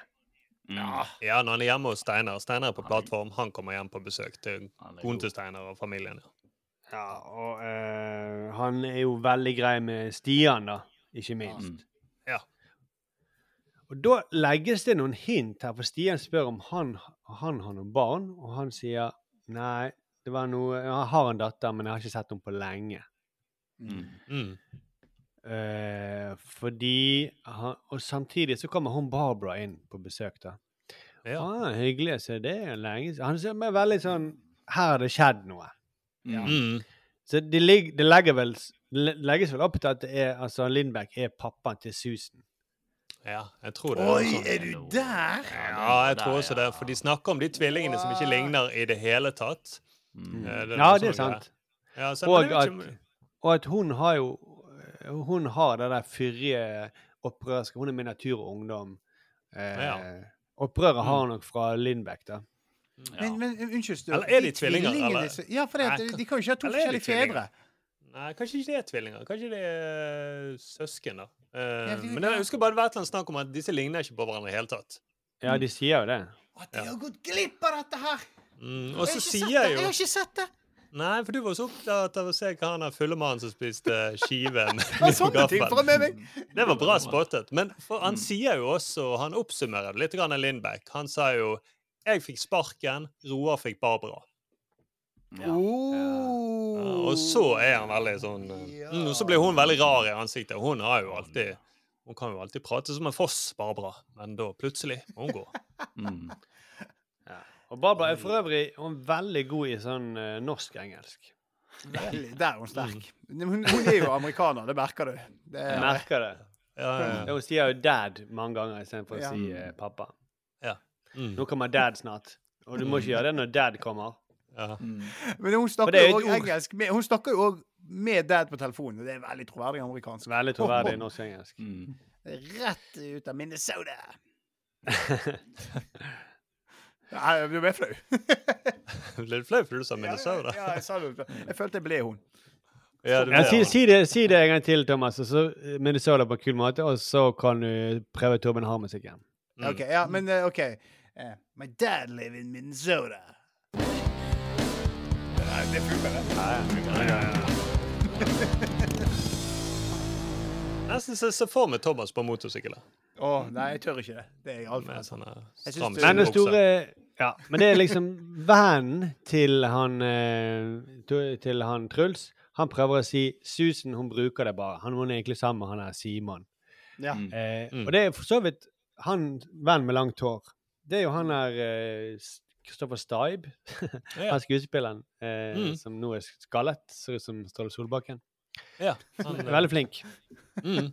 Vi snak, har jo snakket med deg at ingen må begynne å se sesong tre av Offshore. Nå spoiler vi, da spoiler jo vi eh, hestehalen hans, for å si det sånn. OK, det går så fort, ja. Jeg vet ikke, jeg tror det var en accident hos granddad. For det er Bob, sant? OK. og det har- det- Cliffhanger i episoden er iallfall at hun bank... For det er det hun, hun krangler med sin mor, Susan krangler med Barbara. Banker Mhm. på hos Truls. Kan jeg få lov til å sove hos deg? Hvor skal du sove? Ja, sove i sengen. Så ligger de ved siden av hverandre i sengen og sovner. Hun er trygg Mm. hos Truls. Og her skjønner vi, her blir det greier. Dette kommer ikke til Simen til Simon til å like. Nei, nei, hvem vet? Kanskje de går inn på internett om natten? For episoden stopper før vi får vite det. Ja, for de tar, det blokkerer jo de telefonlinjen, sant? så kan ikke de ringe. Det kommer en nødsamtale. Her er det mye som kan skje, vet du. Ja, det er sant. Ja. Og det er ganske seint i episoden så kommer jo faktisk Steinar har jo vært litt sånn eh, Han er veldig sånn utilpassa etter han bæsjer på seg. Han har gjemt seg inne på eh, lugaren, og så banker det på, og inn kommer Mette. For å ha seg med Steinar. Det er voldsom passion der. Det er voldsomt. Ja, veldig. Voldsomt. Og da legger dere merke til at de, de holder jo bare rundt hverandre, men så har de lagt på sånne lyder sånn Som glidelåslyder. Men du ser det er ingen som tar ned den glidelåsen. Jeg fikk, med, jeg fikk bare med meg at Mette, idet hun kommer bort til Steinar, så kaster hun liksom uh, halsen eller nakken bakover. Mm. Som at hun allerede nå blir kysset på. Før henne kysser hun. Han har sett på Baywatch. Han har sett på Baywatch. Det er veldig mye den der uh, såpeseriekyssingen som uh, hvor de inhalerer skuldrene til hverandre. Det er liksom Hva mener du? Hva, hva mener du? Nei, når de, de begynner å kline, så bare suger blir hun sånn De bare går rett ned på skuldrene og på Ja, ja, ja, ja. Å, ja, sånn, og henger seg Det fast så i for meg hverandre. sånn at de blir sugd inn, og så får sånn ja, det det skuldrene gjør, inn i en sånn de bare, vakuum. det er sånn, sånn sugekopp som, som fisker under vann, som har rare funksjoner, hvor de bare fester til hverandre og snurrer rundt. Det ser ut som de slåss på havets dyp. Og så går de ned i sengen og begynner å kysse litt vanlig. Ja, det, det, er, sånn- det, det er vanskelig å se forskjell på kyssing og slåssing på eh, sånn 70-tall, nei 90-tallsfilmer og. Så spennende, spennende. Ja, så hvem vet? Kanskje Steinar egentlig er en konebanker? Har Han banka Mette. Det vet jo ikke vi. Ja, det- kommer jo òg noen sånne subtile hint der med det at han ikke har råd til huset, Steinar. Det, det må jo være verdt å nevne. Ja. Det har vi allerede skjønt, men Lindbekk eh, begynner å liksom ha råd til alt dette. Han begynner å stille litt spørsmål. Og hun Veldig eh, fint strøk han bor i. Ja.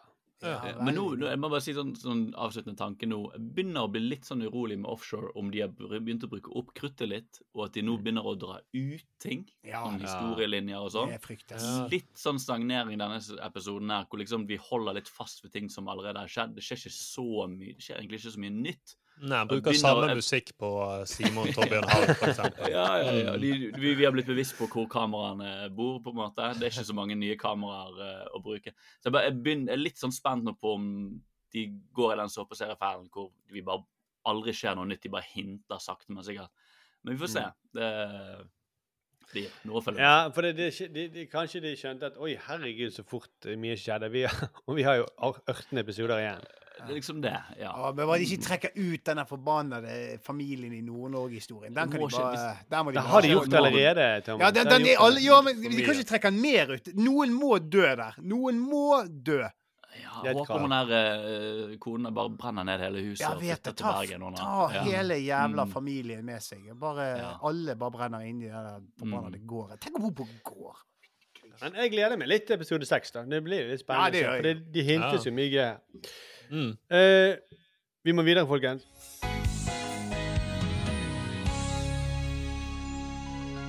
Nå er vi kommet fram til ukens eh, Snakkes-trekningen, hvor vi skal da bli presset En av oss skal bli presset til å se et veldig folkelig program. Eh, og eh, vi ba våre følgere på Facebook om å komme med tips, eh, og vi fikk eh, to tips. Det ene var Garth uh, Dark Place. Det var da fra Thomas. Ja, det var Selvfølgelig. Så det, ja. Alle, og reglene her i denne greiene er sånn at alle tips fra Thomas de blir eh, annullert. Ja. Så Katrine Brattekvenne hun foreslår Alltid beredt, som er den nye Ah. eh, Speider-reality-serien med Steinar Sagen. Hvor han har med seg masse de, ja, de kjendisene som er med i Kongen befaler og ikke lov å le på hytta. og sånt. Mm. De skal gjøre konkurrere i speiderting, da. Ja. Slags Kompani Lauritzen, kanskje? Hvem vet? Ja, bare Ja. til det er speider mer fjollete. Så det, det kan bli gøy, det. Ja. Ja, men jeg merker Det, det mener jeg helt på ordentlig. så jeg kan godt se det. Det kan godt være gøy. Men jeg har Mm. veldig lite lyst til å se enda et sånt program. Det, det er veldig rart. Det kommer til å være så flaut for ettertiden. Men de laget så dere bare sånne programmer? Bare Bare sånne kjendiser Det er de samme som driver og konkurrerer hele tiden. Mm. Det var det Jeg jeg lurer på, på. hva er målet? Hvor ender vi opp? Finner vi til slutt ut hvem som er den beste kjendisen? Er, er, er det noen av de Ja, nei, vi får se. Men uh, hvem må se det? trekker, Du skal trekke. Jeg trekker. Nå Og får du, dere du, har, se det. du, du, du, jeg vet at du er sur etter forrige gang, så derfor må vi bare sjekke at uh, alle navnene står opp. Ditt navn står opp. Ja, her, for og eksempel. denne gangen, det, er ingen som har gått, det er ingen som har gått tidlig fra podden som uh, nå- Dette er helt åpent. Ok, nå har vi ja, men vi har ikke sett noe på på Vi, det, men Er dere klar? vi stoler, stoler på Arild. Det er Thomas. Faen, altså! Helvete! Ja, det, det, kan jeg få se navnet? Dette er rigget. Ja, men hva står på de andre? Ja, ja, ja. Det står våre navn, da. Ja, ja få se, se, se de andre. Trekker du det opp fra hatten nå, Arild? Det er det var jeg lurer på. Ja, det var fra hatten. Det var Sturle. Og så Det er faen meg helt Dette Dere bare husker hele gjengen. Ja, og til slutt så står det Her står det Markus. Nå Det er ble det Thomas, da. Det er skjebnen det- vil det, da. Det er sykt. Altså, det er det er- rareste, men eh, Da jeg skal det- trekke neste gang, Ja. da skal trekningen være her. Ja, men det må fortsatt, men det må fortsatt være en skikkelig trekning, sånn som Arild gjorde, da. Ja, ja. Eh, Skjønner du det, Thomas? Nei, dette, dette var ikke det verste, Thomas. da.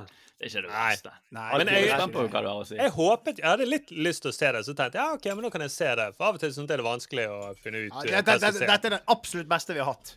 Ja, ja, ja. Men så kom, når Markus begynte å fortelle om hva ja, men Det er jo bare nytt, et sånn her eh, Kompani Lauritzen-aktig Ikke trekk meg ned nå, Sturle. Nå Så ble jeg jeg jævla sånn, så ble jeg jævla lettet når det ikke ble meg, da. Og så tenkte jeg, shit, det er ikke meg. Pju. Å, så digg følelse.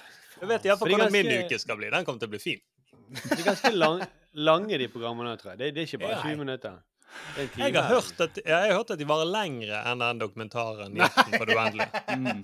Ja, men det, det holder med én episode. Ja, men du må se studiosendingen etterpå også.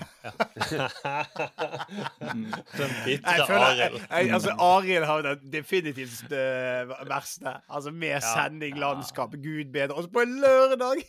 oh. Klokken seks. Det var liksom ikke klokken uh, ni. Nei, så jeg eh, kommer greit unna det. Men uh, nå uh, jeg skal ha trekning neste gang. Ja, Ja, det får vi se. eh, vi får se. Det, det kan være det blir en av oss. Ja. Fortsett å sende inn eh, ting til oss. På, eh, følg oss gjerne på Instagram, Gleden med TV-en, eller på Facebook, Gleden med TV-en. Og så send inn ting til både Dere kan sende inn der, i innboksen, eller på eh, mailen vår, Sturle. Gleden.med.tv at gmail.com. Ja. Og så høres vi igjen om en uke. Det blir fint, gutter. Ja. Det blir det. Ja. Høstferie. Høstferie!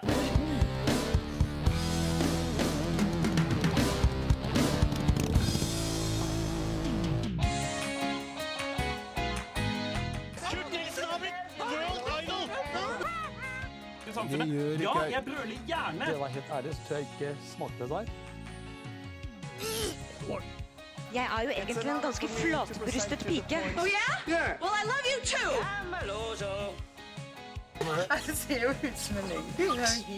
Kjersti, sånn snakker vi ikke. One small step for man,